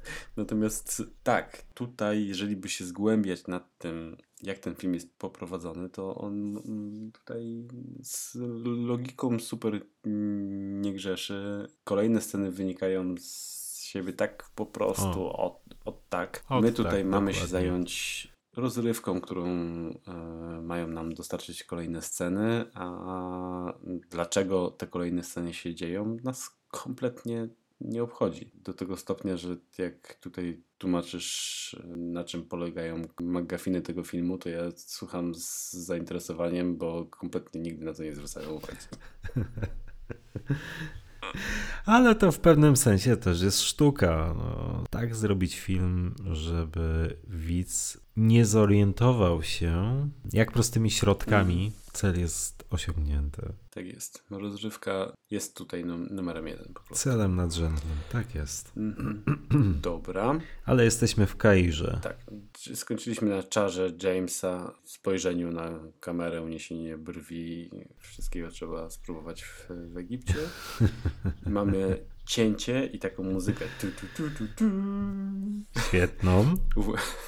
Świetną, fantastyczną. Jest bardzo fajne ujęcie, jak James podąża jakimiś tam ścieżkami Kairu przez bramę. Tutaj widać jego sylwetkę na tle słońca. On przechodzi między budynkami, jakimiś tam korytarzami, między filarami. To są wręcz artystyczne ujęcia. Tutaj właśnie chciałem wspomnieć o, o Renoirze, o którym w sumie już wspominaliśmy kilka, kilka razy, ale to jest y, kuzyn sławnego reżysera Jeana Renoira, który zresztą też bardzo często brał y, udział jako, jako kamerzysta w jego, w jego filmach. I tutaj ten film mam wrażenie, że bardzo często jest niedoceniany pod względem zdjęć, a on ma doskonałe zdjęcia. To, że jest kuzynem Jeana Renoira, to jest jedno, ale przede wszystkim jest wnukiem Auguste Renoira, czyli słynnego francuskiego malarza, który żył na przełomie XIX i XX wieku. Tak więc najwyraźniej w tej rodzinie mm, ten zmysł artystyczno-plastyczny jest bardzo, bardzo silnie kultywowany. Dokładnie tak.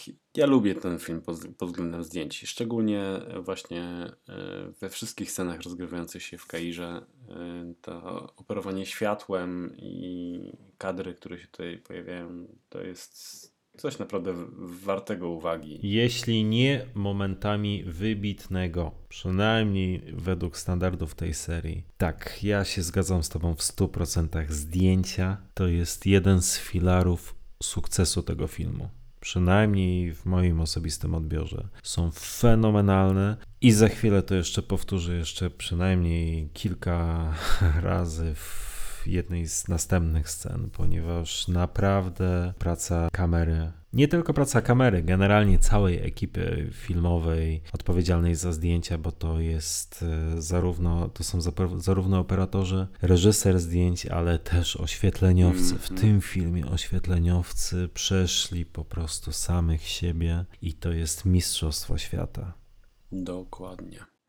James bije do Fekesza. Sandor czai, czai się tam gdzieś. Mamy jakieś ujęcia pokazujące, że James jest e, śledzony. Yy, pojawia się pewna dziewczyna, nie wiadomo skąd, to jest Felicia chyba, tak? Ona nawet nie wiem, czy jest, zostaje tam przedstawiona, która uwodzi Jamesa. Tak? No właśnie, no właśnie. Ona jego czy on ją? Ja zawsze odnosiłem wrażenie, że to jest najszybszy podryw świata. Najbardziej prostacki i chyba najbardziej szowinistyczny w tej serii. Mur tutaj przez, przechodzi samego siebie, ponieważ przekonuje tę kobietę. Ja nie wiem, zawsze mi się wydawało, że to jest żona Fekesza albo partnerka. W każdym razie, no ma jego zdjęcie.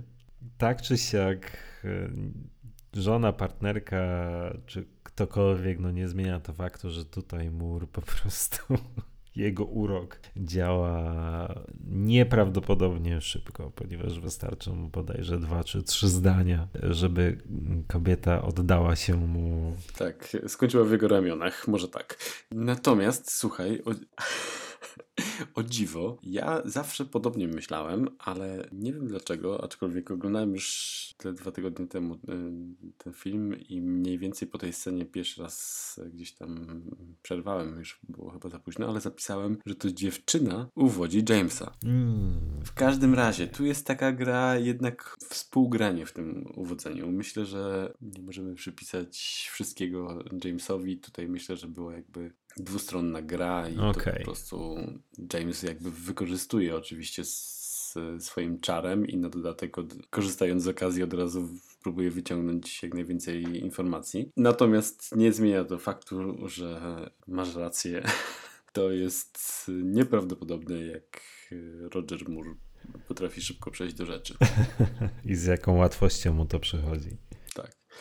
I też z wielką łatwością przychodzi mu kolejna rzecz, która jest mocno dziwna, kontrowersyjna. Ja w ogóle nie do końca wiem o co chodzi w tej scenie, bo James zaczyna się całować z Felicją, tak? Ona się chyba nazywa.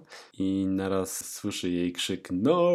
I na to szybko ją odwraca, żeby zasłonić się nią jako tarczą przed strzałem Sandora. No właśnie, tak interpretujesz tę scenę? Ja nie wiem do końca, jak mam interpretować tę scenę. No właśnie, bo ja akurat też uważam, że ta scena jest e, źle nakręcona.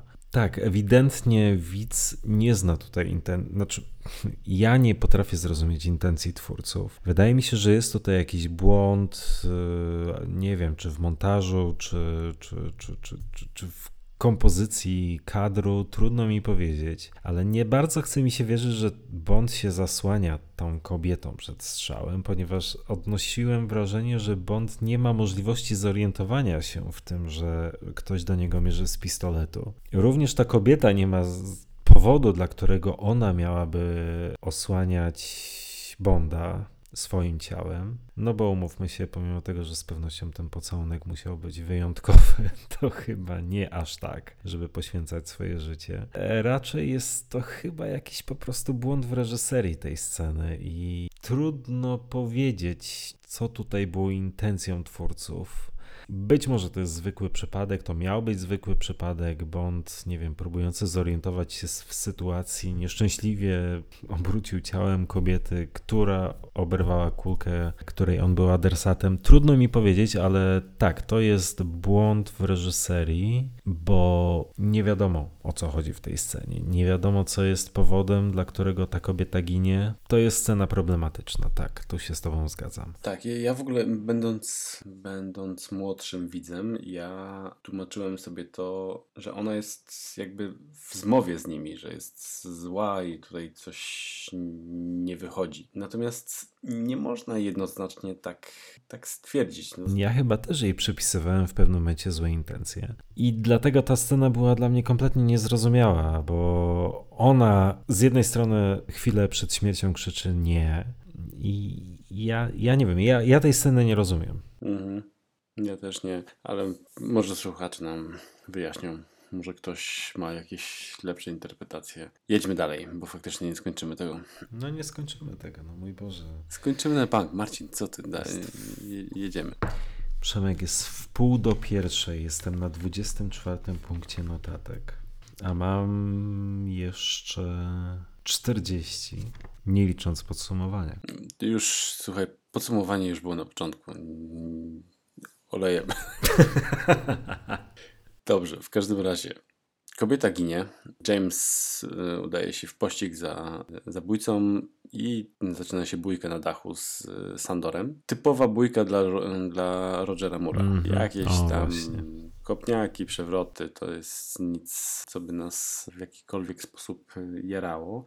Natomiast zakończenie tej bójki jest też bardzo pamiętne i tak. fajne. Lubię ten moment. Kontrowersyjny również. Znaczy rozumiem, że pijesz do tego, że James nie musiał go zabijać, albo nie, książkowy powiedzmy, że nie lubił zabijać, czy do czegoś innego. Tak, dokładnie to mam na myśli. Tutaj Bond po wyciągnięciu z Sandora informację, że Fekesz jest w piramidach, nie musi tego robić, a mimo wszystko zabija Sandora, strącając go z dachu. I to jest jedno. A kwituje to humorystycznym stwierdzeniem What a helpful chap, czyli co za pomocny koleś. Kiedyś już o tej scenie rozmawialiśmy, zestawiając ją z, ze sceną zabójstwa Loka w Tylko dla Twoich oczu. To było również morderstwo z zimną krwią, z tą różnicą, że w Tylko dla Twoich oczu było to powód, dla którego Bond zamordował Loka, był bardzo oczywisty i bardzo wyraźnie widzowi zakomunikowany. To była zemsta, ale dla widza zrozumiała. Tutaj Sandor ginie bez wyraźnego powodu. Bond nie ma powodu, żeby aż tak wyrachowany i z tak zimną krwią go zamordować. To nie jest to Marcz. ja to nie nie jest Kompletnie się z tobą nie zgadzam. to nie jest James Bond i Jana Fleminga. A jaki jest James Bond i Jana Fleminga? Najlepiej właśnie ilustruje powieść Szpieg, który mnie kochał. Jest tam scena, w której Bond, mając na przysłowiowym widelcu dwóch bandziorów, którzy zagrażali jemu i Vivien Michel, mając ich na muszce pistoletu, nie decyduje się ich zamordować, zabić, pomimo tego, że wpada w później w bardzo poważne tarapaty z tego powodu. Właśnie dlatego, że James Bond i Anna Fleminga gardził zabójstwem z zimną krwią. I ja wiem, że my tej dyskusji dzisiaj nie rozstrzygniemy.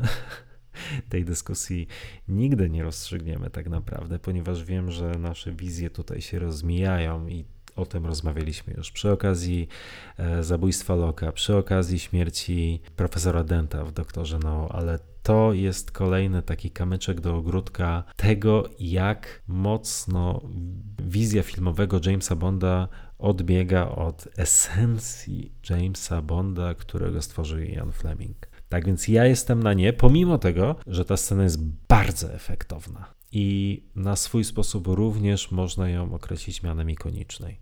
Mhm. Tak, zdecydowanie nawet trzeba, bo mm, ten motyw z krawatem jest e, świetny i jest w sumie bardzo podobny do tego motywu z lokiem, o, o którym powiedziałeś. E, Natomiast e, słuchaj, ja jestem prostym chłopakiem, odczytuję to jako zabi zabiłeś kobietę, zasługujesz na śmierć. Jep. I Sandor nie żyje. Gentleman musiał wymierzyć karę. No tak, ale, ale też przyznasz, że kiedy lok spada w przepaść, to jednak jest to znacznie lepiej podbudowane. I wtedy widz na swój sposób to jest satysfakcjonujące No dla widza. tak, oczywiście. No, jest... Na swój oczywiście sposób. No tutaj myślę, że Sandor aż tak się nie dał nam jako widzom aż tylu powodów do tego, żebyśmy czuli emo emocjonalną satysfakcję z jego śmierci, która jest konsekwencją oczywiście wydarzeń na ekranie, a nie emocjonalnej śmierci, bo jesteśmy psychopatami. To jest właśnie w tej chwili świetnie wyłożone przez ciebie, bo tak tutaj kompletnie emocje nie wchodzą w grę. Tu wchodzi tylko i wyłącznie kwestia widowiskowości, Mhm. która jest, Jest. jest zrobiona dobrze i myślę, że tylko i wyłącznie o to chodziło, ale ma się nijak do kwestii emocjonalnej, emocji widza. Nas nie interesuje to, czy chcemy, żeby Sandor zgi- zginął. Jest nam to po prostu obojętne. To jest po prostu dobra scena i, i tyle. Tak samo jak szybko zapominamy o śmierci tej kobiety, którą widzieliśmy przez 30 sekund w poprzedniej scenie i to też w żaden sposób nie napawa nas z rządą, z rządzą zemsty na, na Sandorze. No, to jest następna scena, akcja, Sandor ginie i tyle. Natomiast kwestia krawata i zrzucenia go z, te, z tego dachu jest, jest naprawdę w pewien sposób też kolejnym kamyczkiem do ikoniczności tego filmu. Tak jest. Tutaj się akurat zgadzam. No dobra, czyli tak.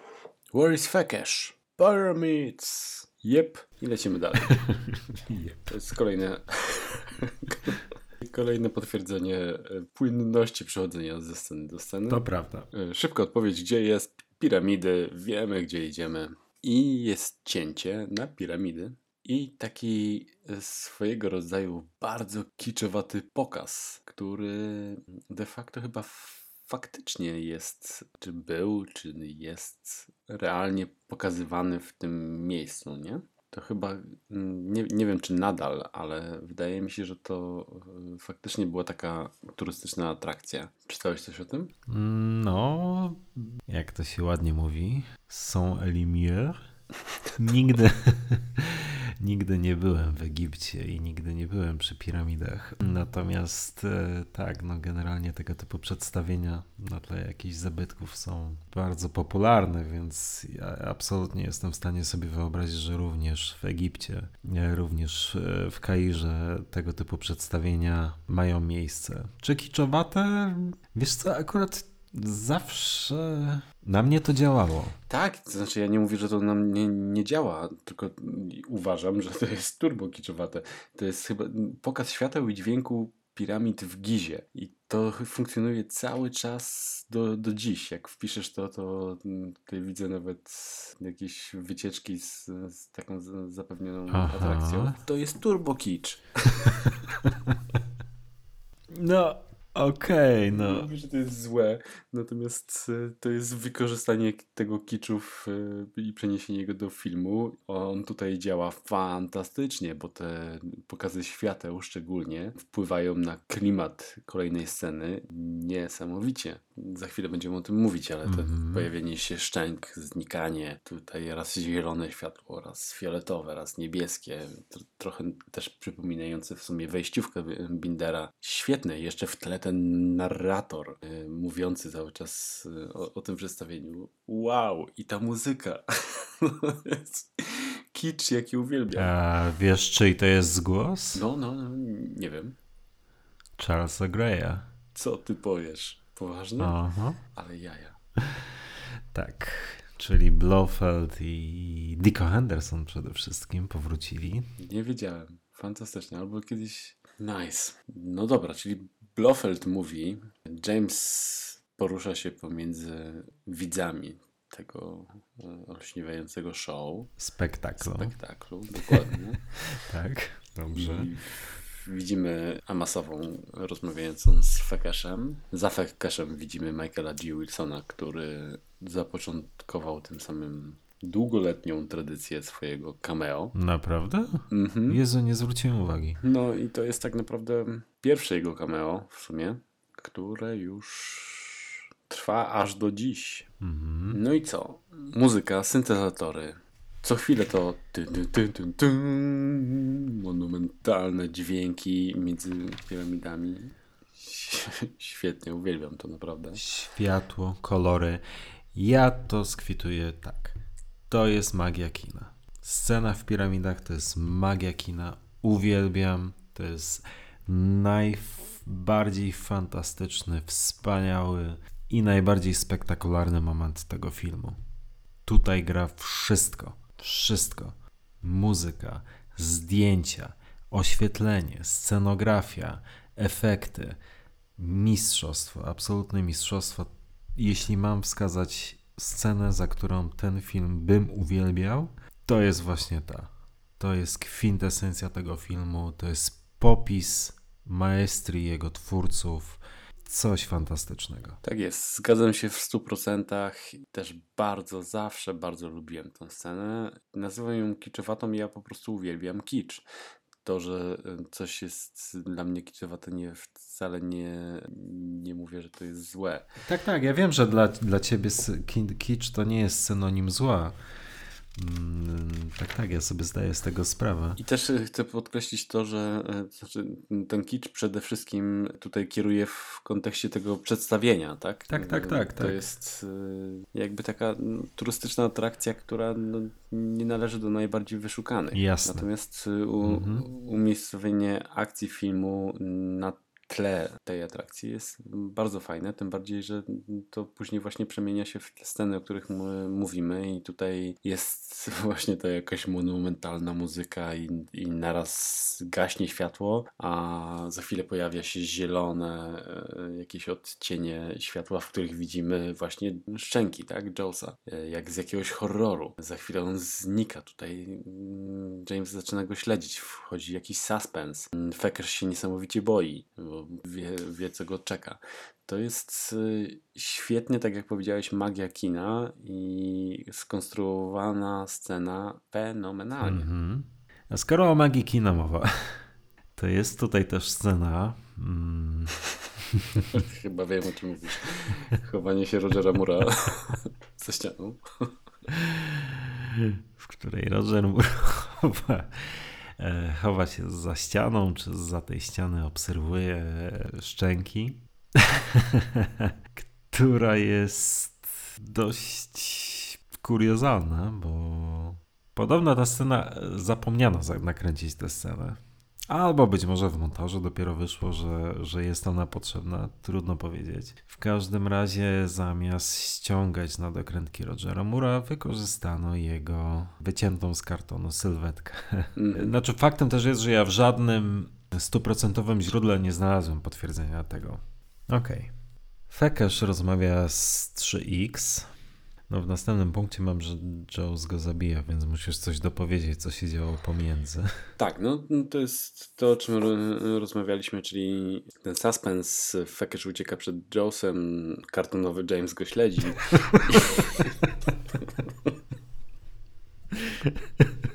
I kamera zaprowadza nas do, do piramid, w których Fekesz się zamyka za pomocą e, łańcucha jak się okazuje, z Lukrecji, które uwielbia Richard Kill, o którym za chwilę możemy od razu po pogadać.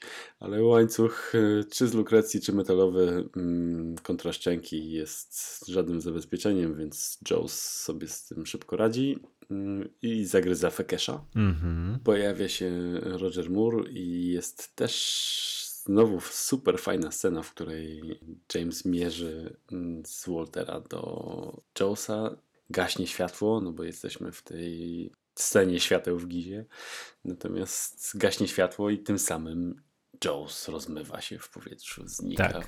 ponieważ wiemy, jak jego kocie ruchy potrafią spowodować, że po prostu zniknie i znika. Wszystko podgląda Masowa, która początkowo myśli, że to James zabił Fekesza. James próbuje się tłumaczyć, ale Amasowa zbytnio tego nie słucha i nas, nasyła na, na niego skinieniem głowy kolejnych dwóch zbirów, jakichś pomocników Amasowej, z którymi James radzi sobie doskonale kwituje jakimś fajnym tekstem do, do Triple X i lecimy do kolejnej sceny. Dobra, i w tym momencie e, muszę ci na chwilę przerwać. Lecimy do kolejnej sceny, bo po pierwsze, tutaj jest kolejny przykład na to, jak bezboleśnie przychodzi Bondowi odkrywanie kolejnych tropów, które prowadzą go do kolejnego punktu fabuły. W tym przypadku, przeszukując ciało Fekesza, znajduje namiary na Maxa Kalbę. Mujaba Club. Mujaba Club, mhm. dokładnie tak. Tak więc e, zarówno widzowi, te, jak i Jamesowi te tropy są mm, e, podrzucane tak bardzo, bardzo płynnie i prosto, prostymi środkami. A jeśli chodzi o konfrontację Bonda z tymi radzieckimi agentami, to też jeszcze o tym nie wspominałem, natomiast będę się pewnie do tego jeszcze nie raz odwoływał. Christopher Wood, czyli współscenarzysta scenariusza do Szpiega, który mnie kochał, popełnił nowelizację scenariusza do tego filmu pod tytułem James Bond The Spy Who Loved Me. I Abstrahując od tego, że ta książka jest naprawdę fantastyczna, świetnie napisana, to jest jedna z najlepszych kontynuacji prozy Fleminga, to ta konkretna scena jest o tyle ciekawa, że rozegrana została przez Christophera Wooda zupełnie inaczej. Więc prawdopodobnie w jednej z wcześniejszych wersji scenariusza również ta scena mogła zostać e, rozpisana w sposób e, znacznie odbiegający od tego, co widzimy na ekranie. A mianowicie Bond w filmie z Rosjanami radzi sobie bez większego wysiłku, natomiast w nowelizacji scenariusza autorstwa Uda zostaje przez nich znokautowany, traci przytomność i budzi się przywiązany do krzesła i z przypiętymi do genitaliów elektrodami które są następnie wykorzystywane przez Rosjan do jego torturowania. No, bo Amasowa myśli, że to on e, zabił Fekesza i próbuje od niego wyciągnąć informację, gdzie jest mikrofilm z planami systemu śledzenia. Tak więc w nowelizacji uda Ta scena robi naprawdę ogromne wrażenie. To jest fantastycznie opisana scena tortur. Jeszcze raz to podkreślę. Elektrody są przypięte do genitaliów Bonda, który musi się wykazać dość dużym hartem ducha w tej scenie z wiadomych względów. Ale nie, naprawdę ja rozumiem, dlaczego ta scena w filmie została rozegrana inaczej. Pewnie do konwencji tego filmu, tak jak to sobie obmyślił Louis Gilbert, by nie pasowała. Ale to też jest istotne, bo nieprzypadkowo wspominam o tej książce. Nowelizacja Christophera Wooda pokazuje, jaki ten film miał być w zamyśle scenarzystów czy scenarzysty.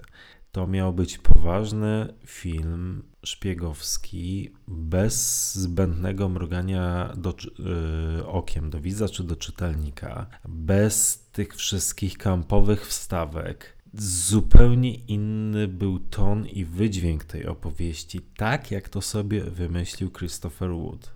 Nie twierdzę lepszy czy gorszy, chociaż lepszy, ale zupełnie inny. Tak więc to jest też przykład na to, jak ważna jest wizja reżysera, który potrafi w zasadzie z bardzo zbliżonego materiału ulepić coś zupełnie innego niż sobie zamyślił scenarzysta.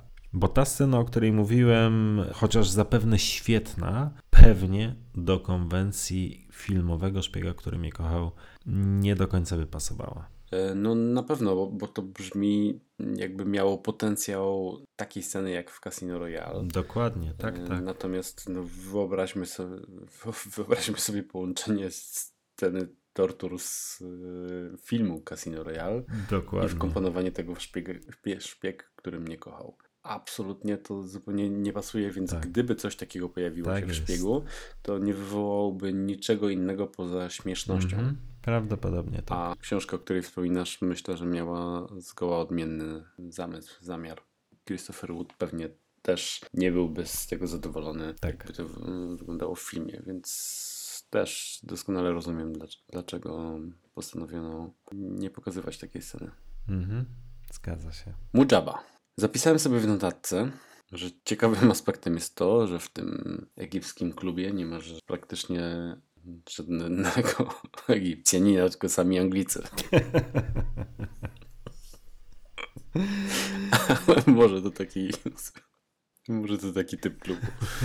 Eee, lady, Bacardi na lodzie, Gentleman, wodka martini wstrząśnięta, nic zmieszana.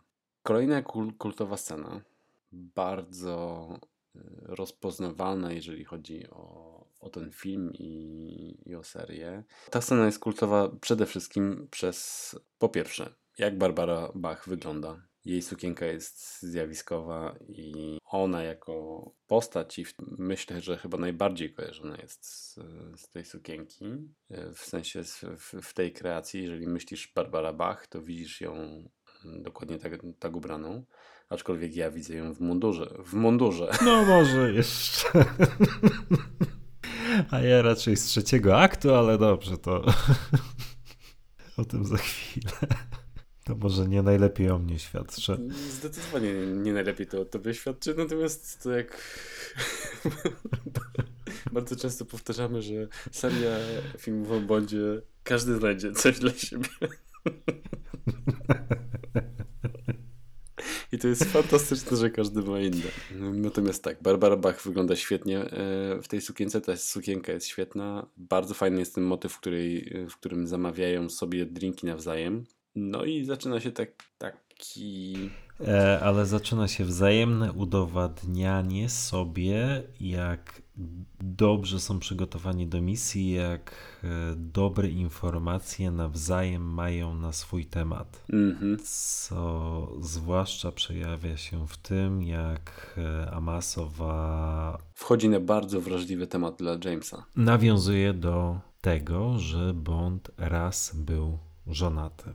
I w tym miejscu dochodzimy do momentu, na który czekałem bardzo długo, bo od podcastu poświęconego filmowi tylko dla Twoich oczu. I w tym momencie muszę posypać sobie głowę popiołem, ponieważ we wspomnianym podcaście w scenie rozgrywającej się na cmentarzu, w której Bond stoi nad grobem Tracy, powiedziałem, że jest to pierwsze nawiązanie do historii z w tajnej służbie jej królewskiej mości, do śmierci Tracy w erze Rogera Mura. No i oczywiście Zapomniałem wówczas o tej scenie, która jest również bezpośrednim nawiązaniem do tamtych wydarzeń, tak więc niniejszym po dwóch latach ach, sypię sobie głowę popiołem, ponieważ obiecałem sobie, że jak będziemy omawiali szpiega, który mnie kochał, to koniecznie muszę przyznać się do tego błędu.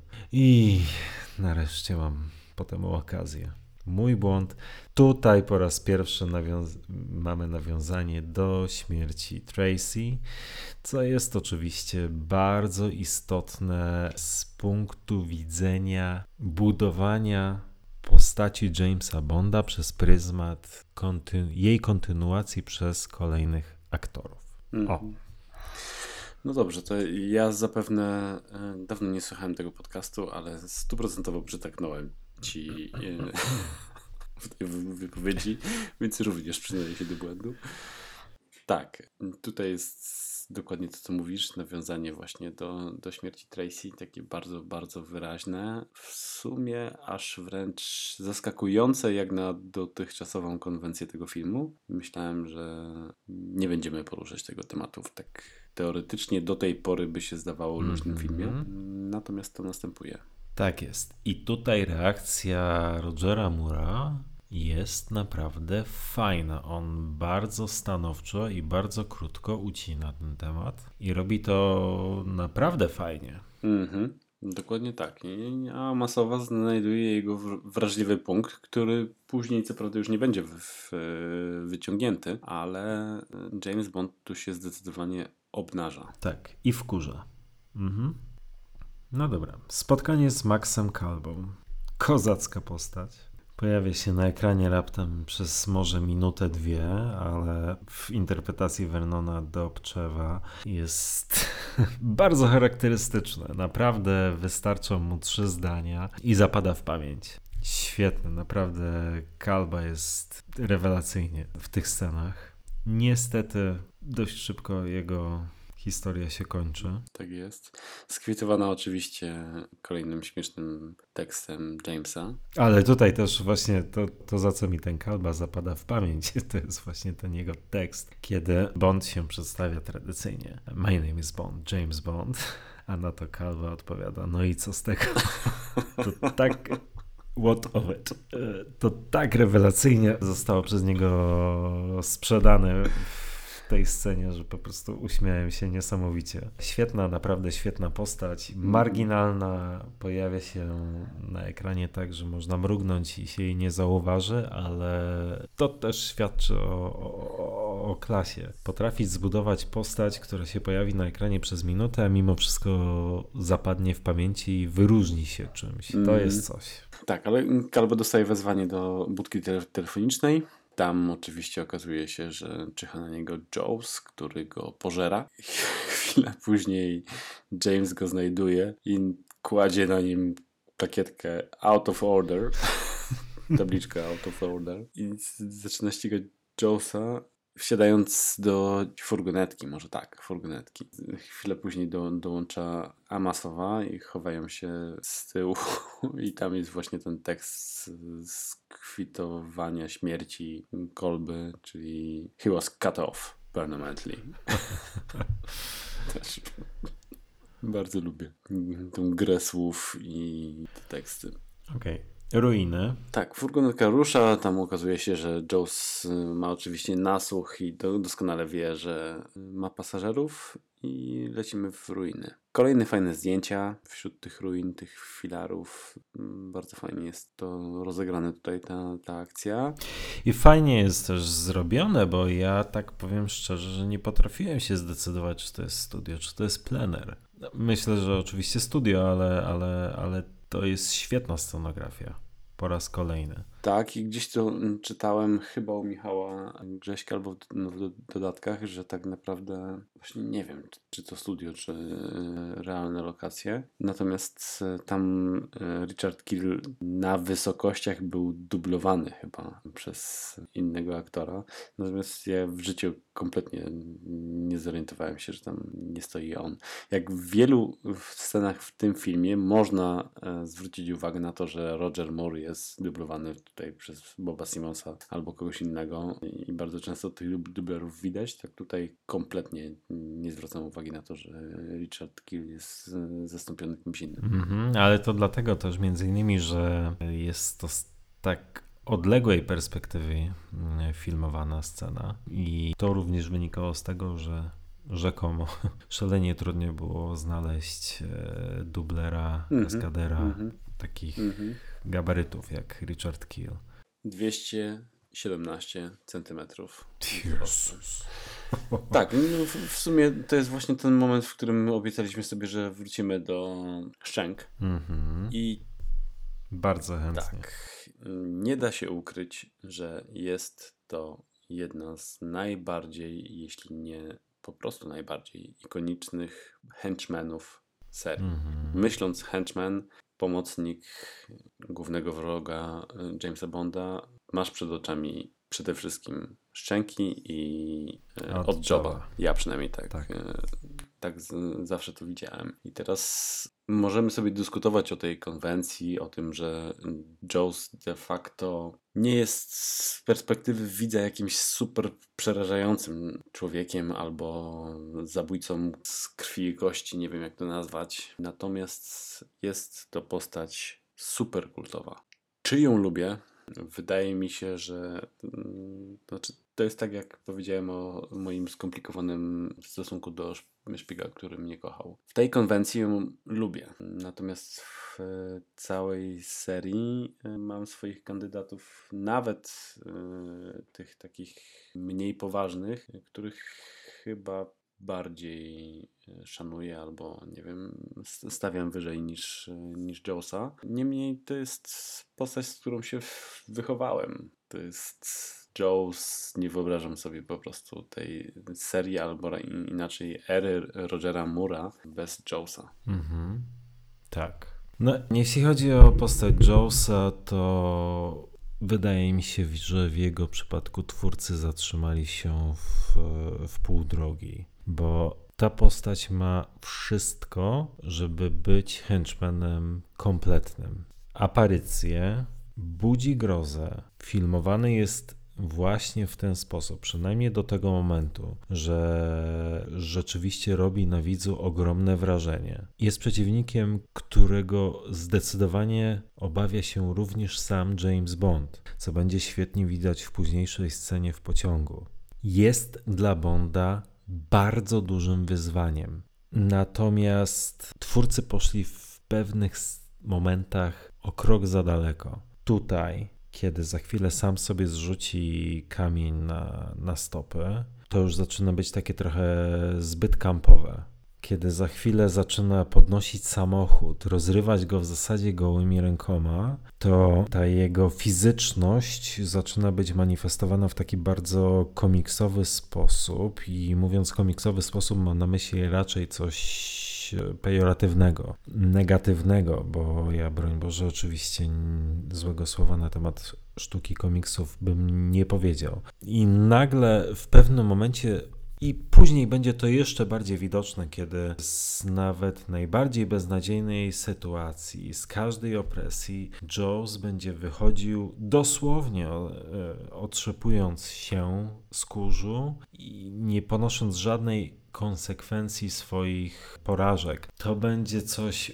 bardzo zdecydowanie mocno przerysowanego, co zdecydowanie przyczyni się do zmniejszenia wiarygodności Joes jako postaci. Ze szkodą dla tej postaci. Już zostawmy na chwilę to, co będzie się działo w Moonrakerze, ale już nawet w tym filmie w pewnym momencie Joes z charakternej, takiej nieustępliwej postaci zmieni się w taką postać bardziej kreskówkową, groteskową, Mhm. momentami komediową, z bardzo dużą szkodą dla tej postaci. Tak więc, tak jak ty, ja mam do, do Joe stosunek, który można określić mianem, nie wiem, love-hate relationship, bo doceniam ją pod wieloma względami, ale jednocześnie mam za złe twórcom, że przesadzili w wielu momentach tego filmu przesadzili i z takiej naprawdę złowieszczej, nieustępliwej postaci, będącej ogromnym wyzwaniem dla Jamesa Bonda, zrobili po prostu kogoś. Karykaturalnego. Otóż to. Dokładnie tak. Dokładnie tak. A szkoda. Tak, masz Szkoda. rację, jak najbardziej. Jasne, tylko że wyobraź sobie, gdyby jednak poszli w innym kierunku i zrobili Jawsa takim przerażającym mm, na maksa mm, przeciwnikiem. On jednak do obranej konwencji erze i w niektórych, szczególnie tych dwóch filmach e, Rogera Mura, by nie pasował. Okej, faktycznie. Ale filmu- do tego momentu filmu on właśnie taki jest. I robi wrażenie. Robi wrażenie. Tylko no, pewnymi strzałami, pewnymi decyzjami postanowiono, no ja nie wiem, wykorzystać go jako comic relief. No ja jestem na nie. Ja jestem na nie, aczkolwiek no też... No wiem o co ci chodzi, bo z... Nie ma co ukrywać, no moje zdanie tutaj pewnie jest w mniejszości, no bo stał się postacią kultową. E, Zaproponowano mu powrót w kolejnym filmie, co on o czymś świadczy. Widzowie zapewne go pokochali, tak więc co ja tam wiem. Natomiast no, jest to kolejny kamyczek do ogródka wad tego filmu, które same w sobie pewnie byłbym w stanie przebolać, ale jeśli tych kamyczków tam wystarczająco dużo wrzucisz, no to po prostu masz problem. Nie? I no z postacią szczęki, szczęk Jaws, ja problem mam. Kumam. Kumam, po części się z tym zgadzam, po części mi to do końca nie przeszkadza, bo po prostu kupuję tą konwencję yy, i Rogera Murray jako bardziej komediowy yy, aspekt serii o Jamesie Bondzie i dlatego Richard Kidd mi się w to wpasowuje całkiem dobrze. Yy, Faktycznie patrząc na tego typu pewien sposób przerysowane postaci, tak samo można właśnie porównać do takiego Joba, który komiczną postacią nie jest i swoją dramaturgię ma e, o wiele lepiej zbudowaną, a też jest kultową i ikoniczną postacią. E, Natomiast patrząc jednak na taką luźną konwencję ery e, Rogera Moore'a, która jednak jakby nie było przeważa w, wśród jego filmów, pomijając tylko dla Twoich oczu. No i zestawiając tą postać z, z innymi henchmanami tej ery, czyli tu Nick Nack, tu na, nawet nie henchmanami, nie tylko henchmanami, tylko J.W. Pepper. Mieli taki potencjał trochę śmieszkowaty, o tak, jakieś inne postaci z ery Rogera i on się tu wpasowuje dosyć dobrze w, w takiej konwencji. Ale zatrzymajmy, znaczy zbliża się druga w nocy, więc absolutnie nie ma zamiaru ciągnąć tego wątku. Ale trzeba to, tę myśl rzeczywiście zatrzymać i być może nawet poświęcić temu oddzielny podcast. Jak przerobimy sobie wszystkie filmy Rogera Moore'a, to być może warto poświęcić jakiś odcinek na rzeczywiście na podsumowanie tej ery, bo ona jest bardzo specyficzna i tak komediowość, którą podkreślasz również w tej wypowiedzi, ja nie jestem pewien, czy to jest coś, co ją definiuje. Czy ona nie jest tylko pozorna i niesprawiedliwie jest patrzeć czy oceniać erę Rogera Moore'a przez ten pryzmat. Sprób ale to naprawdę wątek na oddzielną dyskusję. Natomiast nie wiem, czy jeśli nie zestawilibyśmy aspektów tych luźniejszych z takimi bardziej poważnymi, to wcale bym się nie dziwił, gdyby nam nie wyszło jednak, że w erze Rogera Moore'a dominują te poważne momenty. Tyle tylko, że lepiej zapamiętane są rzeczywiście te, w których Roger Moore unosi brew i mruga do widza okiem. Ale nie wiem, czy to jest sprawiedliwe podsumowanie jego ery. Wiem o co ci chodzi, no bo w sumie tak naprawdę jak z, zaczniemy sobie przywoływać odpowiednie f, poszczególne filmy, tak? A View to a Kill, mimo tego mm, możemy powiedzmy sporo temu y, zarzucić. Mayday nie można powiedzieć, że jest to komediowa postać, tak? Octopussy, Gobinda też nie jest komediowym charakterem. Nie mówiąc już o, o głównych wilanach, no bo przecież Max Zorin jest absolutnie demoniczny, kultowy i jest wzorcem wręcz Mhm. bondowskiego czarnego charakteru. Z naprawdę mocną historią. Dokładnie i w sumie idąc dalej tam Jaws bardziej już pasuje do Tichy's Live and Let Die czy Nick Naka z The Man with the Golden Gun. Natomiast jest najbardziej przerysowany z nich wszystkich, to na bank i najbardziej komediowy. Faktycznie może masz rację, że jest niesprawiedliwie postrzegana tak era Rogera Mura, natomiast tak jest i tak jest najlepiej zapamiętana. Mhm. Tym bardziej, że mm, też jest bardzo popularny pogląd, że The Spy Who Loved Me stanowi swoisty reset ery Rogera Mura. Bo o ile wydaje się, że The Man with the Golden Gun i Live and Let Die w reżyserii Gaya Hamiltona, którego znamy chociażby z Goldfingera, było próbą wpisania Rogera Mura w stylistykę Przynajmniej jeśli chodzi o samo nakreślenie postaci, w stylistykę bliższą Seanowi Conneremu. Stąd na przykład Moore nie ma większych problemów, żeby chociażby Andrea Anders w Człowieku z złotym pistoletem uderzyć. Natomiast jest coś w tezie, że w Szpiegu, który mnie kochał, podjęto próbę e, redefinicji postaci Jamesa Bonda w interpretacji właśnie Rogera Mura, który już teraz od tej pory unika takich typowych bardziej dla e, Shona Connerego e, zachowań. To też jest przyczynek, czy mm, jedna, jedną rzecz, o której będziemy mogli w tym hipotetycznym podcaście bardziej rozwinąć. Tak więc już puentując tę dygresję przydługawą nieco, era Rogera Mura nie jest tak prosta w ocenie, moim zdaniem, jakby się mogło wydawać. I to nie jest tylko, tylko dla Twoich oczu, które zdecydowanie odbiega stylistyką i jest znacznie poważniejszym filmem niż pozostałe, ale również w tym filmie Roger Moore nie ogranicza się li tylko i wyłącznie do, do takiego zdystansowania. A bardzo fajnie będzie to też widać w Moonrakerze, nie uprzedzając faktów, gdzie również jego kreacja momentami będzie bardzo dużo bardziej poważna niż by mogło wynikać z konwencji tego filmu. O, tak Mhm. powiem. Dobra, jedźmy dalej. Joe's kult, ale mamy coś do zarzucenia konwencji, okej. Bawią się w ruinach w kotka i myszkę z Joesem. Czy jeszcze chcesz coś dodać? Dobra, to jeszcze, bo już chyba też lepszego momentu na to, żeby to dopowiedzieć nie będzie.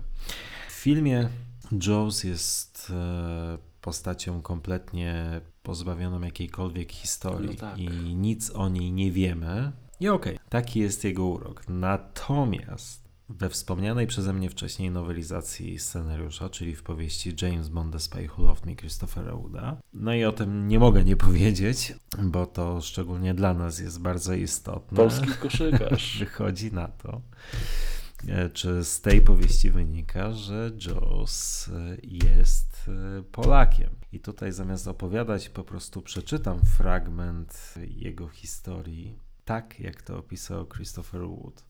Czyli myślę, że można to uznać za oficjalną historię i oficjalne backstory Jawsa, skoro opisał to scenarzysta filmu. Czyli tak, prawdziwe imię Jawsa brzmi Zbigniew.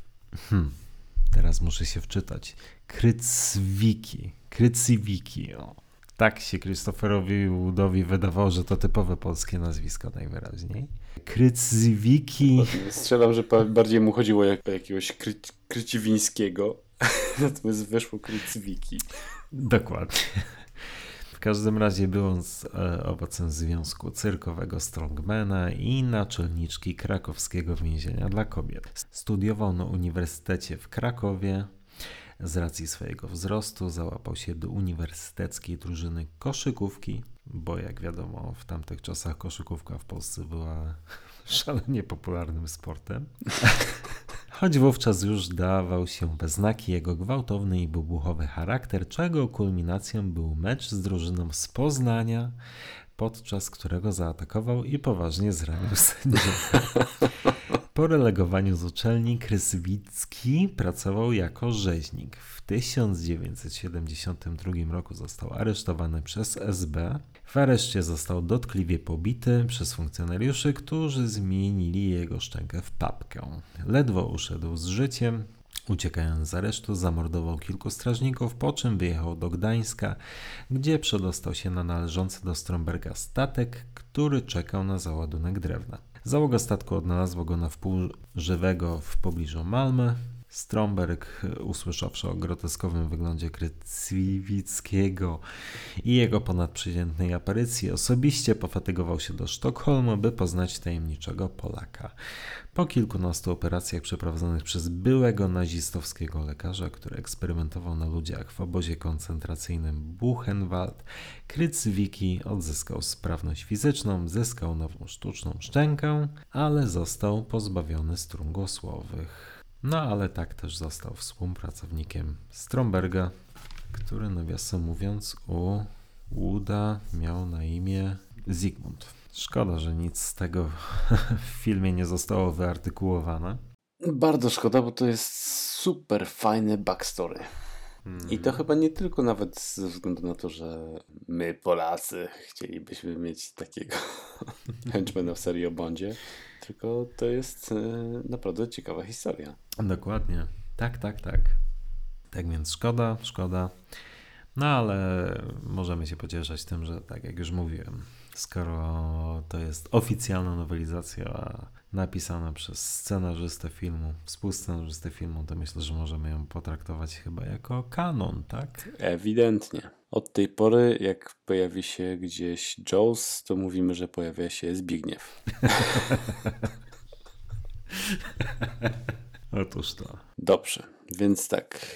Zbigniew gra z Jamesem i Amasową w Kotka i Myszkę w ruinach egipskich. Jest tam taka scena, która też bardzo zawsze mi zapadała w pamięć, kiedy Amasowa klęka podnosząc chyba mikrofilm, a ujęcie jest jakby spod nóg Zbigniewa. E, chyba wiem, do czego zmierzasz. Co prawda kiedyś nawet miałem wrażenie, że to jest e, jakby pierwszy taki motyw, który za chwilę w, kolej, w kolejnych filmach, w, a tak naprawdę tylko dla twoich e, oczu przez plakacistę zostało świetnie przerobione na jeden z najlepszych plakatów w historii, kiedy widać Jamesa z Gunbarella pod nogami e, kobiety. Tu jest jakby odwrócona sytuacja.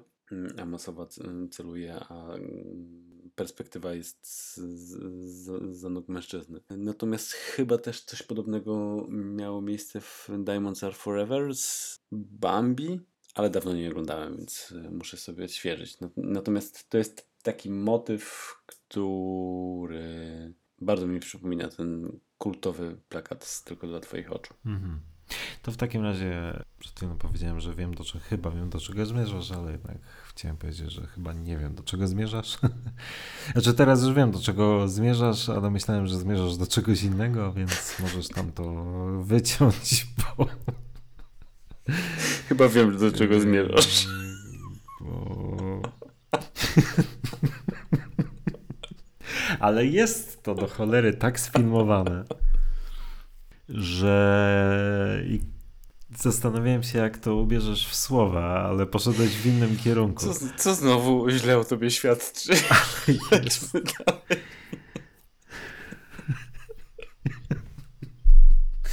Ja wiem, więc ten podcast pora zakończyć, bo wyjdę na psychopatę i, i kogoś pozbawionego wiadomo. Natomiast no, jest to tak do cholery sfilmowane, że tak jakby. Przywołuje na myśl. Kurwa, no nie ma dobrego sposobu, żeby to powiedzieć. No dobrze, ale spróbujmy pociągnąć ten temat na poważnie. Hmm, wiem o co ci chodzi, ponieważ nie da się. po części przywołuje nie to na myśl pewien sposób erotyczny aspekt. Pomimo tego, że Hamasowa ma go na muszce, to jednak kompozycja tej sceny daje do zrozumienia, że to jednak Zbigniew kontroluje tę sytuację w sposób, y, który ostatecznie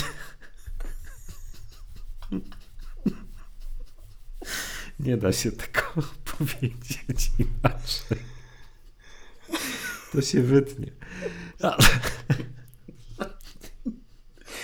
Nie, nie, nie. Marcin, nie wiem, ja rozumiem, nie że chciałbyś. Ale faktem jest, że jest to, dalej. Nie, nie kompozycja sensu. tej sceny jest taka, że kurwa, no no jeśli przypadkowa, to, to rzeczywiście duży zbieg okoliczności. No dobrze, to teraz powiedz swoimi słowami, tak jak nie do podcastu. Obiecuję, że tego nie wykorzystam. Nie wierzę ci. Nie wierzę ci, ale. Masz rację. Wszyscy wiedzą o co chodzi. Idziemy dalej. Jeśli nawet nie wiedzą, to jak zobaczą ten film, to już tego też nie odzobaczą. Nie, wcale nie. Ja, ja szczerze mówiąc nie wiem, czy miałem. mm, No dobra, może miałem.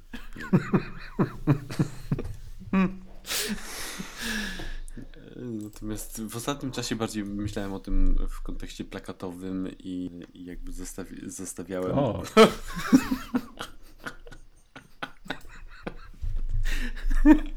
Biorę dwa. Nie wiem, czy będę mógł powiesić, ale. Zrobię Ja. dla ciebie taką wersję, tylko wyślę ci z zaszyfrowanym plikiem. o Boże, dobrze. Mm.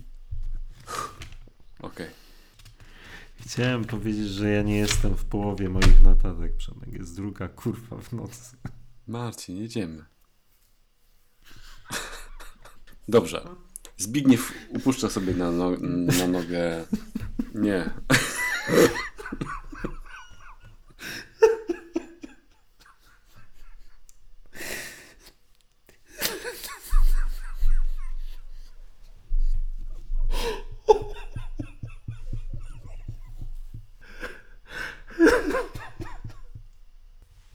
Nie wiem, jak ty chcesz to kontynuować. ja też nie, ale O Jezu, popłakałem się chyba. ja, ja też. Dalej są dwie sceny, o których e, w pewien sposób już, do których już nawiązywałeś, czyli raz, że Zbigniew po pierwsze belką trafia w konstrukcję, która zostaje, zostaje totalnie zawalona, czym e, Roger Moore kwituje e, egipscy mm, budowniczowie, budowlani. Gdzieś o tym wyczytałem, że podobno e, na planie cały czas była obecna ekipa, która pilnowała, żeby e, Egipt nie był przedstawiony w złym świetle. Więc James Roger Moore w tej scenie tylko poruszył ustami, a e, dźwięk został nagrany, dograny później w, studio. To też jest śmieszną anegdotą. Natomiast tak, tu są te dwie Tak, sceny. bo obawiano się e, reakcji Egipcjan. Mhm. Natomiast najwyraźniej bezzasadnie, bo podobno ta, e, ta, ta, ten, ten tekst wywoływał salwy śmiechu e, w kinach w Egipcie. Mhm. Tak więc nikt tego nie odebrał opacznie. Tym bardziej, że rzeczywiście ten tekst nie ma większego sensu, bo raczej egipscy budowniczowie, biorąc pod uwagę kondycję ich konstrukcji, no, raczej za kiepskich nie mogą być uznani. True, true, dokładnie. Aczkolwiek w sumie, patrząc na e, kolejny ważny film w dziejach kinematografii, czyli Asterix i Obelix kontra Kle- Kleopatra.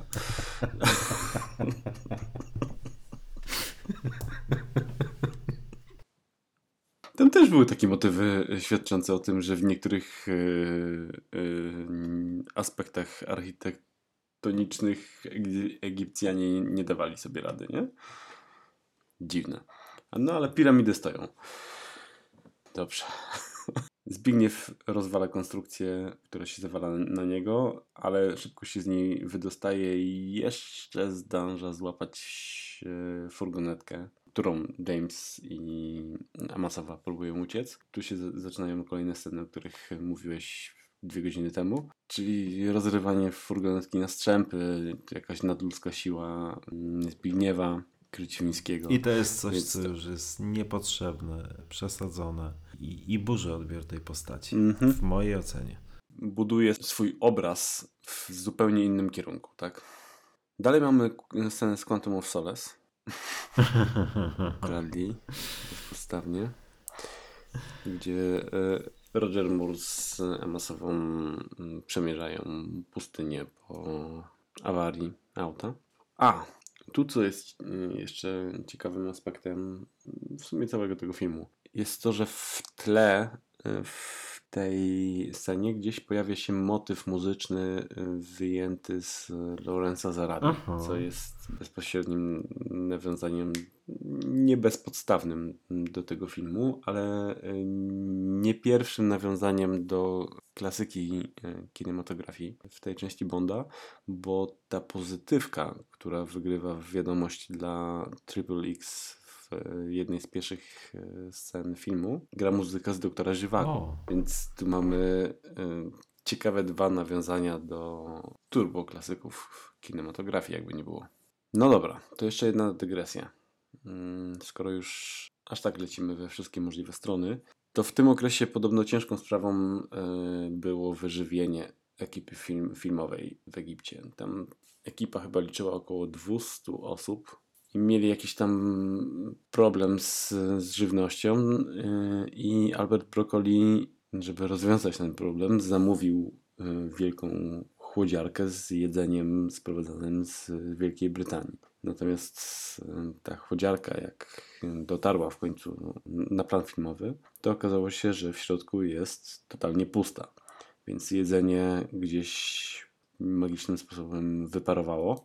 Morale na planie opadły, bo ekipa chciała zjeść w końcu coś, e, coś normalnego. I tu krąży taka legenda potwierdzona i zdjęciami, i wieloma opisami, które opowiadają o historii, w której brokoli stanął na wysokości zadania i załatwił górę makaronu i pomidorów. I sam stanął przy garach i przy pomocy Rogera Mura, który tam, nie wiem, kroił cebulę albo pomidory, albo cokolwiek wykonywał w, w ramach polecenia szefa kuchni Alberta Broccoliego, przygotowali wielką włoską kolację w postaci spaghetti z sosem bolognese czy samym pomidorowym i wykarmili 200-osobową ekipę tym daniem. Podobno gdzieś nadal w tych okolicach jest tam nawet napisane hasło e, Trattoria Broccoli. I to jest super fajna opowieść z planu i też jakby pokazuje jak ciekawą i fajną postacią był Albert e, Broccoli. Przeskoczmy do kolejnej sceny. E, Sceny rozgrywającej się w Łodzi na Nilu. To jest też ciekawa scena, bo Bond próbuje roztoczyć swój urok.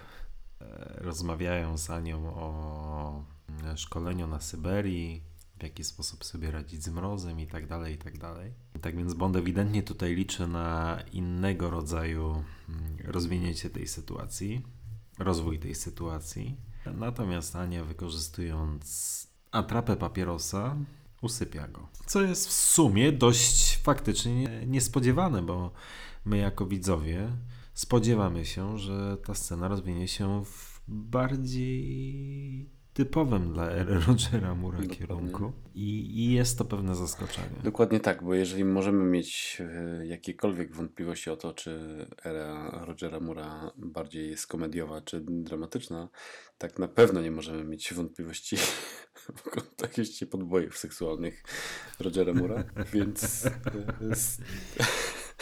Tu się zgadzamy. Każdy w tej scenie spodziewał się, że to już jest e, Ten ten, moment. moment. w którym Roger spokojnie po dwóch spotkaniach z Amasową mo- może osiągnąć oczekiwaną bazę, że tak powiem. Natomiast, Tak. To jeszcze nie. natomiast co się nie dzieje, Yamasowego tak, Amasowego e, wystawia. Ku zaskoczeniu Jamesa oczywiście, równie wielkiemu jak, jak e, zaskoczeniu widza. James zostaje uśpiony. Mhm, bo generalnie w tej całej naszej opowieści, dwóch ostatnich scen, umknął nam ten detal, że mimo wszystko e, Bondowi Amasowej udaje się pozyskać e, mikrofilm, którym Mhm. wcześniej e, dysponował Max Kalba. I na łodzi między innymi ten mikrofilm przeglądają. Tak jest. Generalnie to powinno być klucz historii, o której rozmawiamy, natomiast tu też pokazuje, jak bardzo widza interesuje ten temat. Otóż to. Otóż to, dokładnie tak. To wszystko są magafiny, to wszystko są preteksty do tego, żeby, żeby pokazać zlepek scen, który. Tak, żeby sceny, poszczególne sceny, poszczególne gagi się w tym filmie kleiły. Ale, ale to się udaje. Bo nawet jeśli zapomnieć o tym głównym wątku, rzekomym głównym wątku, to ten film się klei. I to też jest sztuka. Dokładnie tak i myślę, że tym optymistycznym akcentem możemy przestać się oszukiwać i zaprosić słuchaczy na kolejną część podcastu dotyczącą szpiega, który mnie kochał. A naprawdę tego nie planowaliśmy. Wierzcie nam, że bardzo mocno staraliśmy się zakończyć ten podcast w trakcie jednej sesji. Marcin, przestań. Ja myślę, że wszyscy nasi słuchacze już doskonale wiedzą. Już nie, ma- nie ma co mówić, że nie planowaliśmy. Przepraszamy i tak dalej. Stało się. Znów. Tak więc zapraszamy na drugą część podcastu o szpiegu, który mnie kochał. Już miejmy nadzieję wkrótce. I miejmy nadzieję, że drugą i ostatnią. A tymczasem James Bond Team powróci. Jest dzięki wielkie James Bond Timber powrócił.